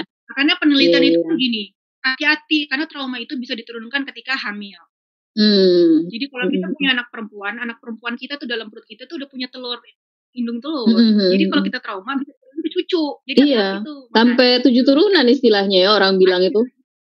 emosi itu ada yang diturunkan, impian juga ada yang diturunkan. Kayak Al-Fatih itu kan impian yang diturunkan tuh dari moyang. Trauma juga sama. Jadi hati-hati. Gitu. Nah, itu yang aku ngerasa itu penting banget. Sehingga ketika aku mau menikah eh itu perlu di healing. Nah, dan sama Allah tuh sekarang aku lagi diajarkan adalah ketika kamu banyak belajar, kamu mau nggak menerima orang yang juga mau belajar, tapi dia masih agak di bawah kamu dikit. Secara Mm-mm. healing ya. Mungkin kalau secara laki-laki mungkin iya, cuman dia masih perlu di healing, kamu mau nggak nerima dia. Nah, biasanya aku disuntrungin, bukan disuntrungin, ditegur sama Allah tuh kayak, aduh kamu tuh kok maunya langsung perfect sih. Kamu maunya definisi sayang aku ke kamu tuh bukan yang perfect, aku maunya kamu yang mendampingi dia. Mau. Gitu loh. Itu itu eh, ngalahin ego kayak masa sih dia sama gue? Kan gue udah belajar, kan gue udah healing. Kenapa Heeh. kasih yang kayak gini? Cuman balik lagi sama Allah, loh katanya menerima apa yang aku kasih di hari ini. Sekarang aku lagi menyodorkan orang ini ke kamu. Kamu bisa nggak mendampingi dia gitu. Ya kayak gitu-gitu loh. Karena ego-ego yang sok-sokan udah belajar itu yang kayak, gue udah pinter nih. Hmm. Dia tuh kayaknya nggak ada bakat, padahal belum tentu. Bisa jadi kalau digali selama taruh, eh dia udah berubah loh. Nah, Hmm, perubahan dia ini dilihat ketika taruh dengan cuman asal ngelihat dari permukaan doang tapi kita nggak detail dari dari dari ke dalam gitu nah itu tuh perlu kita pelajari gitu sih pengalaman aku Masya Allah, luar Masya biasa. Ini ini relate nih, nggak cuma masalah perceraian aja ya, ada masalah Hmm. kalau lagi ditolak juga gitu kan, ketika taaruf terus ditolak, terus kemudian tadi ada Ini juga kalau yang kalau ditolak taruh Hmm. coba nih aku kasih sudut pandang baru ya kan ah, gimana tuh gimana tuh? ditolak taruh itu merasa aduh apalagi kalau udah apa sih tuh mbak yang kalau ketemu tuh ngeliat muka tuh namanya apa sih Nazor. Nazor Mm-mm. dia nggak ngelanjutin iya pasti aku jelek Itu itu kayak energi apa bad bad vibe banget itu yang Hmm. ingin hantui Karena banget kepala itu. menarik loh bukan Mm-mm. kalau aku kalau dia nolak aku ya beda selera doang sister Asik. Hmm. kayak misalnya udah ngeliat nih eh bukan selera gue sama kalau kita ngeliat pria ih bukan selera aku gitu jadi dia cuman dia mungkin kita tidak menarik di mata dia bisa jadi kita menarik di mata pria lain sama dia Yes. tidak ganteng menurut kita bisa jadi dia ganteng di, di- menurut wanita lain gitu loh Hmm. kalau kalian bisa untuk pria ya wajar aja pria juga melakukan hal yang sama. Itu selera Allah buat beda. Kalau sama beribet kita pasti rebutan sama sama orang-orang gitu kan. Jadi ya itu pertama. Jadi jangan merasa insecure karena ditolak. Enggak aku tetap bagus kok. Dengan kualitas aku dia cuma bukan selera aku. Dia bukan Beda selera, ya. gitu. Kedua apalagi biasanya masalah-masalah taruh apalagi sih tadi aku kayak ingat terus tiba-tiba lupa. Pertanyaan tuh banyak yang nanya. Banyak banget yang nanya. Pertanyaan ta'aruf. Apa aja biasanya yang paling penting Ini kita tanya? perlu perlu buat eh, sesi khusus taruh Oke, nanti berarti banget. itu akan di ini kan. karena ada beberapa pertanyaan yang perlu ditanya di awal ada yang Mm-mm. dalam itu tuh perlu teknik sedikit Asik. gimana ngasih challenge ke, ke orang pria biar dia mau itu perlu perlu kelas sendiri Mbak. maksudnya ada banyak hal yang perlu di ini kalau diobrolin sekarang udah sejaman lebih dan bakal kelarin kita usahakan Yes, yes, yes. Hmm. Itu bisa bisa jadi ini ya, apa namanya? kelas kelas apa kelas sendiri ya. Berarti akan ada kelas lagi nih. Pertanyaan kamu punya utang berapa kalau itu penting itu kapan tuh ditanyain itu penting tuh Ah, Oke, iya kamu kamu pakai masih pakai riba nggak gitu misalnya ya? Iya. Hmm. itu apakah di Hmm. awal, apakah di tengah, apakah di akhir itu tuh perlu sense yang perlu dilatih biar Asik. dia mau mau cerita. Kalau enggak kan ditutup sama dia. Kalau dia belum Ah, betul. Terus ternyata tahu-tahu munculnya dia sudah Nah. gue harus nanggung nah itu tuh. Itu tuh perlu perlu tes. Dan aku berhasil me- melakukan itu dan mereka ngasih tahu. Masya Allah, keren keren keren. Berarti ini nanti akan ada di sesi selanjutnya tentang taruh. Setuju nggak teman-teman ya? Setuju Kalau kita ngebahas lagi ikut nih, nih. next. Khusus untuk ngebahas pertanyaan ta'aruf supaya itu tadi teknik-tekniknya itu sense-sense-nya itu bisa keluar. Ya teman-teman, yang yang setuju komen ya, yang setuju komen. Tadi ada pertanyaan Ya Allah. apa lagi nih ya? Ini yang lain mau yang mau nanya-nanya, monggo silakan gitu. Terus berarti aku tuh- artinya gini, kalau dari ceritanya Nadira tadi, which is sebenarnya ini nggak ada urusannya antara masalah umur ya Dir ya. Jadi kegagalan pernikahan dalam eh, yang dialami Dira ini nggak ada urusannya dengan apakah karena Dira nikah muda atau kan nikah tua atau ya ini memang kejadian yang it can happens to anyone gitu ibaratnya. kejadian yang dipilih Allah bahwa kamu bisa melakukan Mm-mm. yang terbaik di usia itu dan gak ada yang bisa kecuali kamu gitu. Yes. Dia Nah, bisa juga ada usia umur umur nenek-nenek kakek-kakek coba nah iya betul. Hmm. terekspos aja sekarang lagi happeningnya gitu jadi yang kayak gitu gitu lupa. Mm-mm. dan perlu teman ketahui walaupun ada gini nih aku ayahku selalu ngajarin gini ketika kita misalnya ngeliat ih kayaknya nggak ada di pernikahan yang bahagia aku buktinya itu cerai-cerai juga gitu kan Mm-mm. Mm-mm. kamu pernah nanya pertanyaan yang sama ayahku cuma bilang kamu anggap kamu pakai baju warna putih terus kena tinta satu di sini doang nih tinta sekecil ini Hmm. kamu itu sama aja kamu kayak fokus sama yang masalah cerainya tuh padahal cuma satu Mm-mm. masalah yang nikah berhasil tuh udah banyak gitu di Hmm. baju yang bu yang putih ini karena ada noda satu kamu fokusnya di noda yang itu terus Hmm. padahal kalau kamu fokus ke yang lebih besar ke baju kamu yang putih yang bagiannya yang nggak kena tinta tuh lebih banyak kamu akan tahu bahwa yang yang berhasil dalam pernikahan tuh banyak gitu Jadi jangan fokus sama yang gagal fokusnya sama yang berhasil gitu cari kira-kira pernikahan yang berhasil siapa gitu Ya, itu itu mindset yang penting banget tuh ya. Soalnya kita tuh ngerasa kayak fokusnya sama yang gagal. Kenapa? Karena harus sosial media sih ya hari ini. Yang Hmm. kemudian explore, yang viral, yang masuk ke algoritma kita itu munculnya begitu-begitu gitu. Gimana nggak kita jadi fokusnya ke sana gitu kan? Ya artinya yang kayak gitu-gitu tuh emang perlu diblok aja kali ya. Jangan follow gitu. Kadang-kadang kita nggak follow kita- tapi masuk juga ya. ini mbak kita kan Mm-mm. kita ketika ada data yang masuk info-info yang masuk kita kan punya punya kebebasan untuk memilih data itu masuk ke dalam diri kita atau enggak Mm-mm. Hmm. bisa kita terima bisa ditolak contohnya adalah ketika ada orang yang bilang gini ih kamu kalau seleranya tuh berat banget sih nggak akan ada yang mau Hmm. itu kan banyak tuh orang-orang ngomong gitu Hmm. ih kalau i- kamu nggak ada yang mau itu kan data kita bisa nerima bisa nolak nerimanya tuh kalau kita nerima tandanya kita bilang gini oh iya iya bener juga. Itu nerima tuh. Nanti ketika udah nerima kayak gitu akan jadi perilaku akan jadi sikap akan jadi keputusannya gitu gitu Mm-mm. lama-lama. Tapi kalau kita nolak contohnya kayak gini oh enggak belum nemu bukan yang nggak ada belum nemu aja. Itu kan nolak Belum tandanya beda. Sama kayak aku nih cara aku menolak eh, bahwa janda adalah suatu hal yang memalukan adalah aku buat mindset baru yang bilang bahwa janda itu adalah bukan suatu hal yang memalukan kalau itu adalah suatu hal yang memalukan Rasulullah nggak akan nikah sama Khadijah itu kan beda itu mindset itu sampai Hmm. perilaku sampai cara akhirnya aku bisa ketemu sama teman-teman di pernikahan ditanya nikah nggak malu ya karena punya mindset itu coba kalau mindsetnya ganti mindsetnya ya ya aku tuh malu-maluin banget ya aku tuh Hmm. kayaknya aib, Eh, beban keluarga dan lain gagal. sebagainya gitu Iya, ya. Kan heeh. orang nggak berani Nggak akan Karena- iya ya. nasib itu berdasarkan habit habit itu berdasarkan mind Ya, baru di nasib gitu nah itu Hmm. yang kayak gitu-gitu perlu di mindsetnya itu di Bener-bener prosesnya tuh kayak di reset-reset gitu ya, Dir ya. oh, lagi. Dira lagi nge-lag nih, Dir. Ngelek. Lagi nge-lag, lagi. Kalau Naik mulai turun banget ya. ngelek lagi Masih, masih, masih nge-lag. Suaranya masuk nggak? Suaranya tapi tadi masuk, eh, suaranya patah-patah, suaranya patah-patah. Hmm. Eh sudah nih. Nah, udah mulai patah-patah tapi sepertinya memang sinyal ya. Jaringannya Masalahnya ya. malam ini. Jaringan tadi. Nah, iya iya. Nah. Udah aman lagi. Hmm. tadi aku mau ngomong apa sih Ter? ya lupa. Proses. Tadi Oh iya, apa namanya? aku- eh, ketika ada pada ada beberapa banyak sih sebenarnya yang punya pengalaman yang sama banyak cowok yang nggak mau nerima janda katanya eh, kata Allah eh kata Mm. kita eh bukan ya, kata Nabi Muhammad kan katanya lebih baik memilih yang operasi Hmm. perawan gitu kan itu. Yang ah, yes. Ya. dalil itu kayak sama para pria-pria ketika wanita janda itu nyebelin banget sih emang cuman eh aku bilang gini tergantung mindset aja di kalau di kepala kamu selalu takut itu yang datang adalah laki-laki yang akan ngomong kayak gitu makanya di Oke. kepala aku adalah aku adalah wanita yang berharga dan aku akan bertaruh sama orang-orang yang tidak masalah dengan status itu dan Hmm. beneran nggak ada satupun yang Hmm. bermasalah dan kalau setiap aku, Hmm. setiap aku dan aku selalu bilang dari awal aku tuh janda loh kamu nggak apa-apa selalu jawabannya lah itu mah sama aja kayak status belum nikah udah nikah nggak apa-apa emang kenapa gitu selalu jawabannya gitu orangnya beda-beda Hmm. Jadi kita sendiri yang narik sebagai magnet. Kalau kita takutnya begitu, yang datang laki-laki begitu terus. Karena Allah tuh Hmm. sesuai Ketika- prasangka banget ya, sesuai prasangka hambanya banget ya. Dan eh, per- apa eh, pikiran adalah doa yang tidak terucap. Hmm. Setuju, Sama setuju pikiran banget tuh.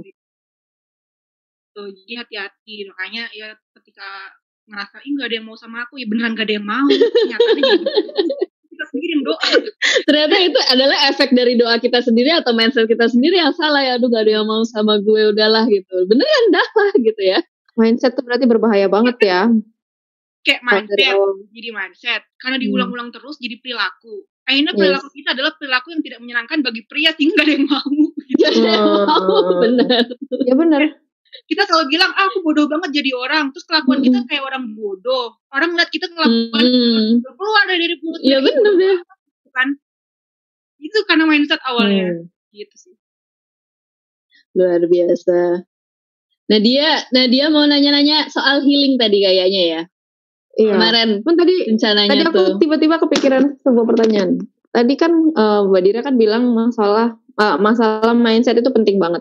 Tapi gimana cara eh, mem- menyiapkan mindset itu ketika masalah itu datang? Karena semua orang belum tentu siap dengan mindset itu kan. Apakah wawasannya harus ditambah, ilmunya harus ditambah sehingga kita tuh kayak sewaktu-waktu jika ada masalah tertentu yang dia tiba-tiba datang, mindset itu udah siap kita install gitu kan.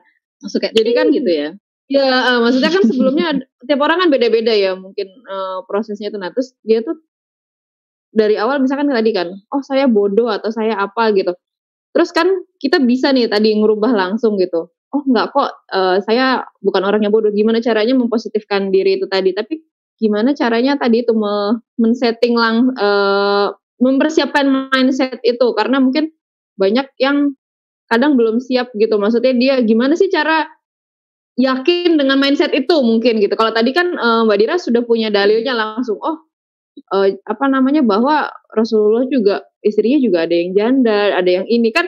Berarti itu kan apakah sudah harus punya wawasan tertentu yang dengan hal-hal seperti tadi gitu. Kebayang nggak? Iya, jadi Dian ada ada dua cara, eh, ada beberapa banyak banyak cara. Salah satu paling Hmm. sederhana adalah kita kalau belum bisa otomatis di kepala Hmm. ditulis dulu pakai tangan ya ditulis. Ada yang kiri itu namanya kontras, yang kanan itu clarity. Kontras itu adalah Hmm. pikiran negatif kita, Hmm. bisa bodoh lalalala tuh Iya. tulis tuh banyak. Nah di clarity itu adalah mem membikin itu lebih cl- clear si baru yang kita bisa kita bilang gini. Kontrasnya saya bodoh, di kanannya adalah saya yakin saya adalah orang, orang yang cerdas. Ketika udah Ah. ditulis itu, yang bodoh dicoret Ya. Hmm. dan itu yang dilihat terus Di- diulang-ulang terus tuh yang di kanan itu tuh si clarity-nya itu Hmm. diulang-ulang kalau belum bisa otomatis ya Itu di- bener-bener pakai tulisan ya. Kita Pakai kertas gitu terus nulis gitu ya, Din. iya kenapa harus pakai tangan karena itu Hmm. tidak pikir kalau kita nulis pakai handphone itu kita masih mikir ah, ada di mana ya Ah, Itu jadinya bukan I see. bawah sadar yang keluar kalau ditulis Mm-mm. udah otomatis ini koma titik wah udah udah otomatis tuh pakai tangan itu kenapa penting Mm-mm. pakai tangan jadi kontrasnya Ya. itu adalah aku bodoh atau atau aku itu nggak disukai pria aku tuh tidak menarik. Itu kan negatif semua tuh. Nah yang kanannya tuh adalah kebalikan Iya. dari itu jelek juga lagi tapi ketika sudah ditulis dicoret. Kita fokus ke situ mulu. Itu itu yang pertama bisa dilakuin. Yang kedua sebenarnya dua-duanya perlu ditulis kalau emang belum biasa. Karena bank di, bank positif di kepala kita tuh sedikit. Karena kan biasanya negatif terus. Jadi perlu banyak gitu ditulis sehingga kita berlatih gitu ada juga kata pakai kata-kata kayak misalnya dulu saya merasa saya bodoh sekarang dan seterusnya saya adalah orang pintar gitu ada sekarang dan seterusnya diulang-ulang terus nah itu beda lakukan sebelum tidur dan bangun tidur Hmm. gitu makanya Oh, jadi bangun tidur juga ya. ya karena itu ketika adalah saat di mana kalau gelombang alfanya itu kebuka gitu Hmm. ini hati-hati 30 menit sebelum tidur jangan nonton sama baca yang aneh-aneh itu ntar masuk buruk terus bangunnya juga Jangan nge-scroll nge-scroll yang aneh-aneh gitu ya. Itu yang masuk bener. banyak Hmm. orang-orang anak-anak kok pengen bunuh diri itu bukan karena dia pengen bunuh diri kan nonton-nonton bagian-bagian yang kayak gitu tuh sebelum tidur Yes, atau baca yes. gitu. Itu Atau itu problem banget sih sekarang. punya anak nih mbak mbak? Beni. Hmm, hmm, hmm, hmm. yang udah punya anak jangan pernah marahin anak sebelum tidur Hmm, hmm, bener. Itu kebawa. iya seharian udah udah seneng-seneng tuh dibawa ke kebun binatang wah Hmm. sama ibu udah seneng terus tiba-tiba dimarahin sebelum tidur wah itu dia akan mikir bahwa hari ini adalah hari yang buruk padahal pagi sampai Hari yang buruk betul. pagi sampai malam Hmm. tuh udah bahagia pas mau tidurnya itu diomelin nah itu bahaya besok ditanya enggak aku kemarin dimarahin dan itu Nah. pikiran negatif itu melekat tiga kali lebih kuat dibandingkan pikiran yang positif hati-hati Mm-mm. Itu itu itu kerasa banget sih. Bener-bener berarti harus diselesaikan itu ya, atau ditunda marahnya gitu kan, buat besok gitu. ya gitu dan kan kalaupun ditunda besok jangan pas bangun tidur Iya sama kan masih ini juga dia memulai hari langsung dengan kayak begitu wah itu luar biasa efeknya kan Hmm. langsung bad mood sepanjang hari gitu luar biasa banget. makanya aku disaranin Iya, sama iya. guruku habis bangun tidur jangan turun dari tempat tidur dulu Mm-mm. diem dulu Mm-mm. Kalau hari ini makasih masih lengkap masih kasih hidup ya Allah. Iya benar. jangan tiba-tiba bangun hari ini berat ya berat terus seharian penuh. Ya hari ini berat gitu. hari ini udah hari ini aku bahagia terima kasih ya Allah. Itu mensyukuri hal yang sederhana gitu loh. Itu yang penting banget. Itu nanti seharian bakalan bakalan insya Allah bakalan baik karena kita udah Hmm. mengeluarkan energi yang positif gitu loh. Jadinya yang datang yang positif karena kita magnet kan kita narik narik gitu Berarti Dira bikin jurnal ya, kayak journaling gitu ya? Untuk menulis, mereframe semua energi-energi itu tadi atau pemikiran-pemikiran untuk mengeset mindset yang benar itu pakai journaling gitu ya? bahkan eh, di aku diajarin ketika lagi sakit juga sama diajak Hmm. ngobrol penyakitnya ayo ini lagi sakit ya kita ini kan makhluk Allah juga ya kita Hmm. al-fatihah bareng-bareng yuk kan lagi Hmm. sakit penyakitnya diajak ngobrol. Lu lagi gatel ya ya, ya kita doa bareng kita hari ini sholat ya. Itu penyakitnya diajak ngomong aku diajarinnya gitu. Karena dia kan Hmm. makhluk hidup juga. Jadi biar dianya juga ikut tuh orang kita khalifah di dunia ini masa kalah sama penyakit kita tuh kan Hmm. dibuat jadi pemimpin ya. Masa kalah sama pikiran sendiri masa kita kalah apa kata- sama kata orang lain gitu loh. Kita tuh pemimpin loh ya Allah gimana Hmm. sih gitu. Jadi itu aku diajarinnya gitu. Dan ya emang perlu usaha untuk mau belajar mau apa mau ikutan training ini training itu ini menerima untuk mulainya tadi mulai dari awal untuk belajar dan ketika sudah belajar jangan sombong gitu. Kan gue udah Hmm. belajar lo Nah. enggak jangan kayak gitu. Itu next level soalnya ujiannya dir. Biasanya gitu kalau udah belajar udah merasa berhasil melewati permasalahan terus tiba-tiba jadi muncul kayak begitu tuh. Itu gimana tuh tipsnya tuh tadi? Oke. Supaya jangan merasa tinggi dengan ilmu yang sudah kita atau pengalaman yang kita alami gitu kalau ini aku balik lagi eh, ingat eh, kata guruku bilang gini kita itu diciptakan sebagai manusia maka jadilah manusia. Allah nyiptain malaikat itu bosan karena terlalu sempurna makanya nyiptain kita yang nggak sempurna. Makanya mala- malaikat kan nanya ya Allah kenapa menciptakan makhluk yang suka menimbulkan kerusakan? Gitu. Terus Hmm. itu itu yang aku mau. Gitu. Ketika dia berdosa dia minta sama aku.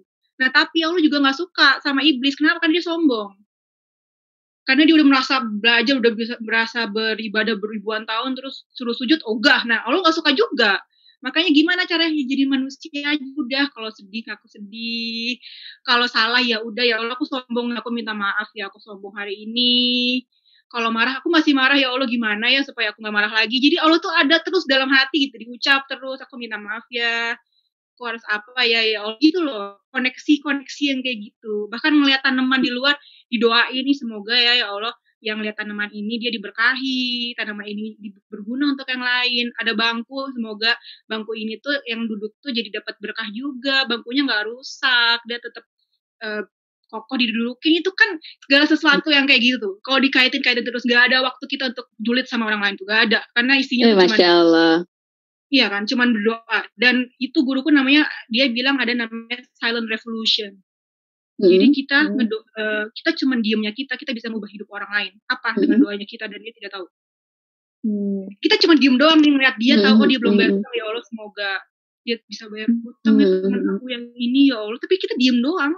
Itu namanya silent revolution itu. Kita bisa mengubah hidup orang lain cuma dari doanya kita doang dan gak ngelakuin apa-apa. Itu yang biasanya dilakukan guru-guru ngaji di pesantren duduk sebelum Hmm. sebelum apa sebelum ngisi itu si gurunya tuh ngeliatin muridnya satu satu. Cuma diliatin doang biasanya murid tuh udah nangis tuh. Ngapain? Hmm. gurunya gurunya Oh, ya? Oh. Kayak cuma diliatin doang satu sambil senyum gitu. Kayak semoga murid aku mungkin dalam hati ya. Cuman para syekh itu biasanya kalau duduk di sebelum ngisi itu dia duduk dulu ngeliatin dulu muridnya satu-satu. Itu didoain itu. Itu lagi didoain ya masya Allah. Bahkan luar biasa keren banget. Ikatannya jadi kuat juga ya. Iya atau gini Hmm. guruku juga ngajarin ketika kita ngobrol sama orang terus omongannya bosenin banget tuh orang kok ngeselin Hmm, banget kayak dia bilang doain aja orang itu kamu akan ketika kamu doain dengan terus muka kamu nggak akan cemberut kamu akan senyum sendiri karena kamu sudah mendoakan yang Hmm. baik di buat dia Oh. Ya Allah, Masya Allah omongan dia dimengerti semoga Hmm. dengan kata-kata dia dia jadi lebih baik tidak menyakiti sebagaimana dia menyakiti aku sekarang itu jadi senyum sendiri udah otomatis itu nggak mungkin karena kata-katanya udah baik gitu. Gitu sih dari guruku gitu. Nah itu latihan aku mau latihannya berulang-ulang. Luar biasa. Dan itu jadi ingat ini ya, eh, pembahasan yang soal tadi yang ketika ngelihat makhluknya Allah, ketika bangun tidur mensyukuri apa pun dan semua itu terkonek kepada Allah gitu. Itu bahasa kerennya itu idrak silabilah gitu. Asik. oh, Masya Allah Hmm. Iya kan? Iya kan? Iya Kalau kan? zaman sekarang, kalau zaman sekarang tuh mindfulness itu bukan sih? Mindfulness Aku ya. Kalau Ah. kalau ngaji dulu ya itu dapatnya itu istilahnya idrak silabilah. Jadi bagaimana kita itu selalu merasa terhubung gitu sama Allah. Hmm. selalu terhubung dari apa yaitu tadi karena kita eh, melihat segala sesuatunya ini kembalinya ke Allah gitu. Hmm. ciptaannya Allah semua ini pemilikannya adalah miliknya Allah. Sehingga itu tadi benar prakteknya ketika bangun tidur melihat tanaman di luar ya itu adalah tanaman Allah yang menghidupkan. Masih dikasih matahari ya karena Allah masih mengizinkan matahari berputar. Mataharinya nurut sama Allah nggak pernah mem- membelot gitu kan. Mereka makhluk Allah taat. Dan akhirnya semuanya itu serba Allah serba Allah. Dan itu masya Allah banget ya. Tips-tipsnya tuh ternyata sebenarnya kalau kita mikir kan wah kayak konsepnya berat banget gitu ya. Oh, Ah, tapi ternyata sebenarnya itu tadi ya tipsnya hal itu hal-hal yang hal-hal yang kecil detil Mm-mm. tapi kadang terlupakan gitu ya. Mindfulness kalau bahasa zaman sekarangnya ya. Hmm. mindful kan Allah. praying mindful breathing mindful eating. Ketika kita mindful eating tuh oh ya Allah makasih loh. Ini si daging ini udah dijagain loh bertahun-tahun Iya, supaya bisa sampai aku makan si sapi itu berapa Dalam tahun ya, itu mikirnya dalam banget loh. Iya kan? makasih loh ini ini nasinya itu sama petani itu loh dijagain dibuat Hmm. jadi misalnya kalau kita makan yang organik wah ini udah udah nggak ada pestisida pestisida udah dijagain dimasakin sampai sekarang di depan aku ya Allah makasih loh itu tuh Masya mindful Allah. itu kayak gitu Hmm. jadinya nggak ke mana-mana pikirannya kayak ya kita syukur aja Iya, benar-benar. Kita bersyukur Allah kasih Hmm. lebih itu makanya happy aja kata aku gitu. Ya Allah oke mungkin kata Allah aku belum saatnya nikah nggak apa-apa. Tapi Allah kasih aku yang lain. Aku bisa ngurusin ke Jerman aku bisa ngelakuin banyak waktu kosong aku bisa sama orang tua aku. Gitu loh. Yang punya anaknya aku gak kebayang nih nih mbak mbak berdua ini udah punya anak gimana caranya? Belum tidur udah waktunya ngisi lah belum tidur. Ini aku harus ngapain? Aku bingung juga. Maksudnya mungkin itu kenapa aku belum nikah lagi belum kali ya gitu loh Di tengah-tengah tadi tuh karena Dira ngomong kan tadi di tengah-tengah tadi inget Allah tuh maha mengabulkan. Aku tuh di tengah-tengah berdoa, ya Allah anakku tidur ditidurkan ini beneran tidur loh. langsung dipraktekin ya Nat tadi ya dan Iya, bener, langsung Masya praktekin Allah Iya bener ya Allah, masya Allah. Kayaknya udah gelisah nih dari tadi sambil nungguin. ah. Hmm. Tapi ternyata Makanya doa ibu tuh ya. Waduh, apalagi kalau yang keluar sultan serapah. Ini ada pertanyaan yang menarik nih, Dir. Eh, Kak Dira, gimana sih cara nguatin diri pada saat kita lagi cari jalan untuk survive? Kadang kan kita suka down di tengah jalan. Gitu. menerima aja kalau aku kak ya Allah aku sedang Hmm. down aku tuh kemarin itu lagi Mm-mm. down aku sampai bilang gini ya Allah Mm-mm. eh, obrolan kali ini tuh lebih happy nggak nggak sedih gitu ya ngomonginnya di mana ya aku Hmm. tapi lagi sedih nih gitu loh Oh gitu. Masya Allah. Tapi kok nggak kelihatan gitu. Ah. terus lagi Iya, lagi sedih kayak gitu ada sesuatu yang bikin aku oh I'm so happy gitu tiba-tiba nggak tahu tapi aku bilang Hmm. jujur aja makanya tadi aku bilang jadi manusia aja kalau lagi sedih Jadi manusia sedih. aja. ya aku nggak sanggup ini ini aku lagi sedih ah, pusing Hmm. banget capek nih harus Ah. healing Hmm. kok nggak kelar kelar healingnya. Cuman ya ya kalau emang banyak Hmm. yang perlu di healing ya terima aja. Ya ya aku sedih. Kasih ya tadi balik kalau aku kasih aku hadiah dong. Kasih aku yang bikin aku happy biar aku bisa ngasih yang terbaik sama engkau. Hmm. aku harus apa ya? Kadang sampai nangis gitu bingung. Berulang kali aku udah hampir lima tahun. Kadang ada hormon-hormon yang aku tidak bisa tahan ya nggak sih?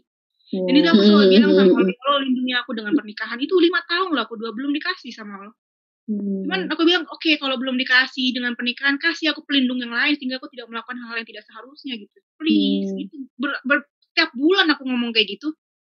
Cuman kalau kita mikirnya selalu ke masa depan yang belum terjadi, capek karena belum pasti mau gimana Iya betul. gitu. Jadi ya ngeliatlah ngeliat mbak berdua punya anak juga aku tadi bingung ini gimana sih itu anaknya belum tidur. Terus kalau punya suami kan perlu diapain kan aku belum ngerasain gitu. Jadi itu lah, Allah baik banget kok, nggak kalian tuh nggak akan pernah di, disuntrungin gitu loh sebenarnya. Karena karena mindset kita aja kita selalu merasa kita tuh diceburin di tempat yang tidak ada obat tidak tidak terjangkau padahal enggak aku ada di Hmm. sini loh kamu lihat aku loh, aku di sini bahkan guruku bilang kayak ini emang pasti eh, aku ingat banget eh, ada kata-kata yang bilang gini kadang dunia kita tuh perlu di perlu digelapin dulu Hmm. kita bisa lihat Hmm. cahaya Allah itu dunia kita terlalu Hmm. terang sehingga kita nggak tahu Allah itu dari mana Hmm. Sama Allah tuh digelapin sehingga kita lihat oh cahaya paling terang itu cahayanya Allah perlu digituin kadang Masya Allah. udah di udah di soalnya udah ditolak-tolak tuh nggak lihat-lihat gitu loh masih Hmm. mana Kadang-kadang gitu ya. Hmm. Karena terlalu banyak distraction ya. Jadi cahayanya tuh ketutupan sama cahaya-cahaya tipu-tipu gitu kan. Iya. pas udah Hmm. digelapin oh itu Baru sadar ternyata itulah the Hmm. true light gitu ya. Itulah cahaya. Nah. Ya, Masya Allah. jadi selama ini aku pandang itu penting banget ya. Gitu Berarti next time kita dijeblosin ke kondisi yang susah, sakit, Hmm. sedih, kegagalan dan lainnya itu langsung ingat bahwa ini cara Allah lagi nunjukin cahayanya ke kita. Hmm. Kita digelepin gitu ya Hmm. in our darkest moment misalnya atau ah nah, titik nadir apalah istilahnya gitu. Tapi itu itu tadi ingat ya bahwa Allah lagi nunjukin cahaya sejati. Cahaya sejati yang akan menuntun yang nggak akan kemudian membuat kita eh tersesat justru. dan ketika mindset ketika udah ditunjukin makasih ya Allah udah ditunjukin Makasih, nah itu benar-benar. Gitu ya. makasih banget ya orang lain tadi tunjukin aku ditunjukin Ah, Masya orang lain Allah aku banget. Betul, betul, betul, Gua betul, itu betul. nangis tiap hari itu bikin ini gak sih? Bikin kita Kenapa? kualitas kedekatan kita sama Allah tuh juga meningkat karena udah ngelewatin proses itu kayak ya Allah makasih kayak Ya Nggak Allah, pernah ngerasa ditinggalin banget jadinya ya setiap- gitu. setiap ngelewatin eh eh, eh. makasih Karena itu kan kayak, bentuk, kok eh, selalu kesadaran Hmm. bahwa kita tahu kita dikasih kadang kan lupa di bilang makasih udah di udah dilindungi udah dijagain udah sampai sekarang masih aja betul, masih kok nggak ada kok nggak ada lo banyak ini loh mungkin karena kita tidak bisa terbiasa bersyukur yang sederhana gitu jadi kita nggak bisa lihat yang Betul, betul, Iya, betul, betul. Gitu sih. Aku Banyak tuh yang lagi di posisi sesuatu. itu tuh. Gimana Nat, gimana? Eh, gimana? Kan tadi eh, Mbak Nadira juga bilang eh, harus bisa menerima. Maksudnya bukan harus bisa proses menerima ya dari setiap masalah-masalah itu. Bahkan sampai bikin jurnal sampai nulis gimana caranya kita bisa positif tadi gitu kan. Eh, itu kan eh, apa effort banget sebenarnya. Tapi aku pikir-pikir itu tuh sebenarnya cara juga buat menyalurkan apa itu bahasanya menyalurkan perasaan kita ya eh, apa bahasanya bukan perasaan tadi itu sebenarnya udah kepikir menyalurkan apa mbak namanya menyalurkan emosi atau emosi. Yes, uh, jadi kayak kan kita namanya manusia itu kan emosinya macam-macam ya, bisa berubah-berubah kadang gitu ya. Tadi kan uh, bisa lagi seneng tiba-tiba berubah jadi sedih, kadang down, kadang kadang semangat lagi atau apa.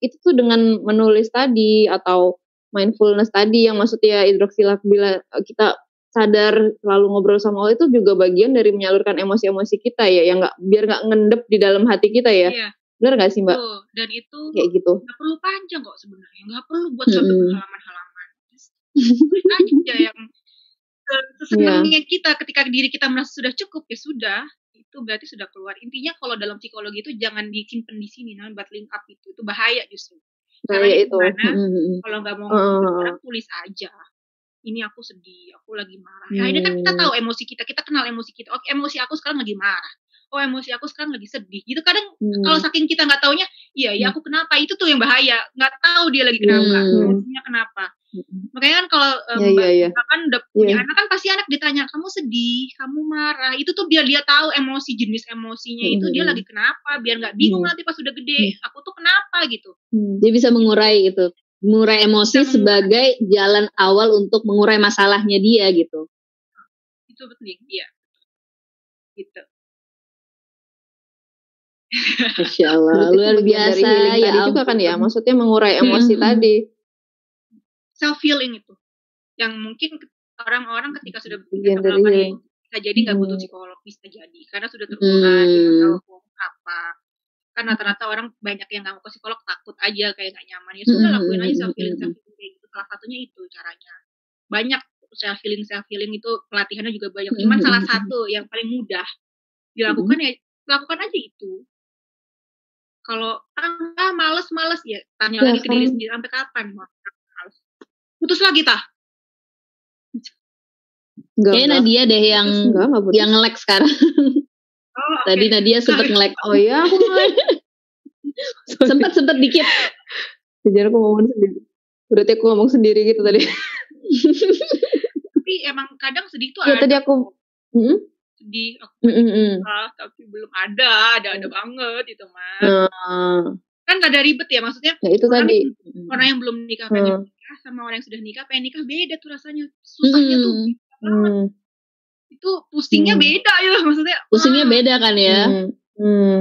Makanya janda itu jangan kelamaan gak nikah sebenarnya kan banyak orang bilang gitu emang benar, emang Hmm. bagusnya emang Hmm. segera nikah karena memang sulit sekali untuk menahan banyak hal. Gitu. Hmm. Ya, cuman ya tadi balik lagi belum dikasih terimanya gimana ya biar bisa ngejaga diri biar bisa dan lain-lain lima ada nggak mungkin tinggal manusia masa nggak sedih Nah, ya. Seringnya itu kayaknya yang aku perhatiin mungkin orang itu kadang mengabaikan perasaannya dia gitu kan. Sehingga dia kadang Hmm. tidak menyadari, tidak mengenali dirinya sendiri gitu loh. Enggak Nggak aware ya.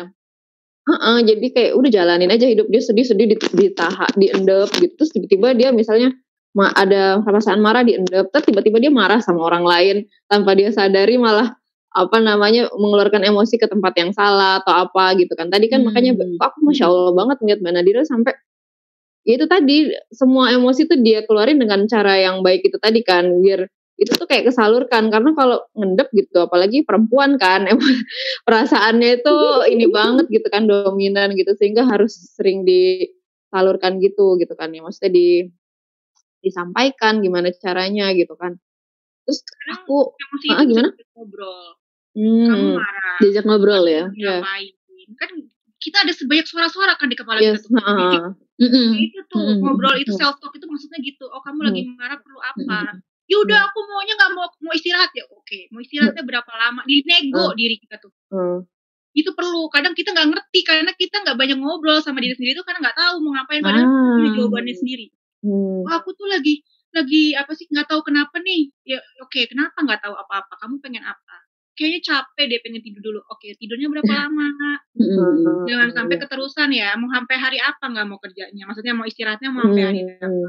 Ya udah deh hari senin. Senin kan udah masuk kerja. Minggu gimana? Itu namanya lagi nego sama diri sendiri. Hmm. Lagi nego ya. Nice, nice, nice. Jadinya itu nggak- itu menarik banget tuh. Jadi ingat Jadi waktu waktu apa namanya ibaratnya self talk self talk itu sebenarnya harus kita biasakan ya.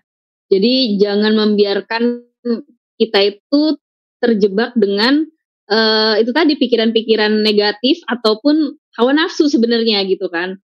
Jadi harus memang dinego gitu ya. Kayak yang aku jadi ingat waktu dulu pas eh, pertama kali mau pakai hijab itu kan berat banget ya buatku yang dulu kehidupannya metal gitulah ya. aku penasaran Sangat luar metal masih dari dulu metal itu metalnya kayak gimana ya Sudah tidak ada dokumentasinya lagi loh di dunia di dunia digital alhamdulillahnya gitu. Nah, jadi kayak ya itu perlu per- itu tadi aku ingat self talk self talk itu gitu. Aku ingat banget pas apa namanya eh, selesai sholat terus oh ya udah berarti aku tahu aku harus berhijab nih sekarang nih Hmm. salah satu cara untuk memperbaiki diri aku menjadi manusia yang lebih dicintai Allah gitu kan. Dan itu muncul tuh langsung tuh pikiran-pikiran yang aduh nanti kalau udah berhijab kayak nenek-nenek, aduh nanti kalau udah berhijab em, bakalan susah nggak bisa lagi nongkrong-nongkrong yang asik-asik atau main ke konser-konser gitu. Harus meninggalkan dunia itu benar-benar secara totalitas gitu. Terus habis itu ya itu tadi langsung memunculkan eh, negonya gitu ya bahwa loh bukannya kalau nanti udah pakai hijab terus meninggalkan itu semua nanti artinya lebih baik ya jalannya dituntun ke tempat-tempat yang lebih baik kayak ke pengajian gitu. Apa yang salahnya dengan datang ke pengajian loh? Bukannya justru itu jalan untuk supaya bisa lebih menjadi hamba yang dicintai Allah gitu. Aku jadi inget tuh momen itu tuh dan ternyata ya mungkin karena sering lupa untuk melakukan itu gitu ya Iya. sehingga emosi-emosi itu jadi nggak tahu gimana lah ibaratnya kalau zaman sekarang mental break dance gitu. Bahasa ya anak-anak sekarang ya bukan breakdown tapi break dance gitu. wah banyak waduh berisik banget di diri aku gitu ya Iya, Iya, iya gitu. Ya itu ya self talk itu tadi ya self talk. BTW Dira ini eh, apa namanya maksudnya kalau ini kan self healing gitu. Ada nggak sih eh, momen indikasi di mana bahwa eh, ini ternyata permasalahannya le- eh, butuh lebih daripada sekedar self healing. Jadi healingnya Hmm. ini butuh untuk eh, pergi ke terapis gitu. Nah itu indikasinya apa tuh? Yes. Aku biasanya kalau aku kalau udah Hmm. sampai ke fisiknya inget. Mm-mm. Tiba sesak napas nggak bisa dikontrol. Tiba-tiba Ah udah masuk. sesuatu. Gimana, Misalnya gimana? dulu aku ke trigger sama kata-kata ya dia hafiz loh masa kayak gitu ngelakuin ke istrinya itu aku ke trigger tuh kepantik Hmm. akhirnya aku nggak bisa tiga tiga Hmm. nggak bisa dikontrol jadi itu Hmm. sebulan ada nah itu kayak aku nggak bisa ini dan aku ingat aku pernah diapain dan dia masih belum terima si badan ini jadi perlu di perlu perlu di ngobrol perlu ke Ah, I see. perlu ke psikolog atau Perlu healing lebih lanjut gitu ya? Udah berusaha cuman masih kayaknya ada yang kurang tapi aku nggak tahu apa kali aja ada orang yang Hmm. lebih profesional yang tahu letak intinya tuh di mana karena aku udah berusaha nyembuhin di sini Tapi ternyata bukan. gitu Tapi ternyata Hmm. bukan gitu. bukan ternyata bukan kok kayaknya belum di dasarnya belum masih di Oh. permukaannya Belum kayaknya sampai. Hmm. ya kayak aku Hmm. pertanyaan aku adalah kenapa aku sering banget narik pria-pria yang ekstrim Hmm. entah pengalaman ekstrim sekali Iya. saudara-saudara apa yang ada di kehidupan aku Astagfirullahaladzim, astagfirullahaladzim gitu loh. Hmm. Taruh sama yang lain ekstrim lagi, taruh sama yang lain ekstrim lagi. Entah Hmm. dia pernah ngedrak, entah dia pernah di penjara. Oh, serem-serem. Hmm. Ini apa yang salah kan aku yang narik gitu. Hmm. Mindset aku Hmm. atau apa udah berusaha dibenerin loh, kok masih ketarik lagi gitu. Kayaknya butuh ke psikolog dan akhirnya ketemu sumbernya waktu aku SMA. Hmm. Gitu. Sumbernya di situ, Hmm. di healing, yang datang bukan yang aneh-aneh, terlalu aneh gitu loh. Kalaupun yang datang aneh, orang itu udah berubah jadi lebih baik gitu. Ah, Nggak sekali Allah. gitu loh. Karena kita udah tahu sumbernya, oh di bagian ini, berarti bisa jadi kita disembuhkan di bagian itu, atau kita berdamai dengan bilang ke orang yang bersangkutan, kalau berani, maksudnya udah damai ya, kalau udah damai berarti ngomong sama orang yang bersangkutan gak jadi play ex victim. Udah aku terima kalau dulu diginiin, bukan gara-gara waktu itu tuh digituin Hmm. jadinya, itu kan belum nerima. Cuman kalau udah berani, udah udah nerima tuh bilang ke orangnya, nggak apa-apa kok, ini udah, aku tahu itu masa lalu, keputusan yang waktu itu adalah keputusan yang terbaik, jadi aku nggak nggak marah lagi. Maksudnya aku sudah terima. Nah itu kan udah damai. Hmm. Nah kalau Mm-mm. berani ngomong kayak gitu, pastikan sudah damai dan itu ka- kadang butuh bantuan psikolog untuk mencari tahu waktu umur berapa itu kejadiannya ya, SD kah, SMP kah? Oh.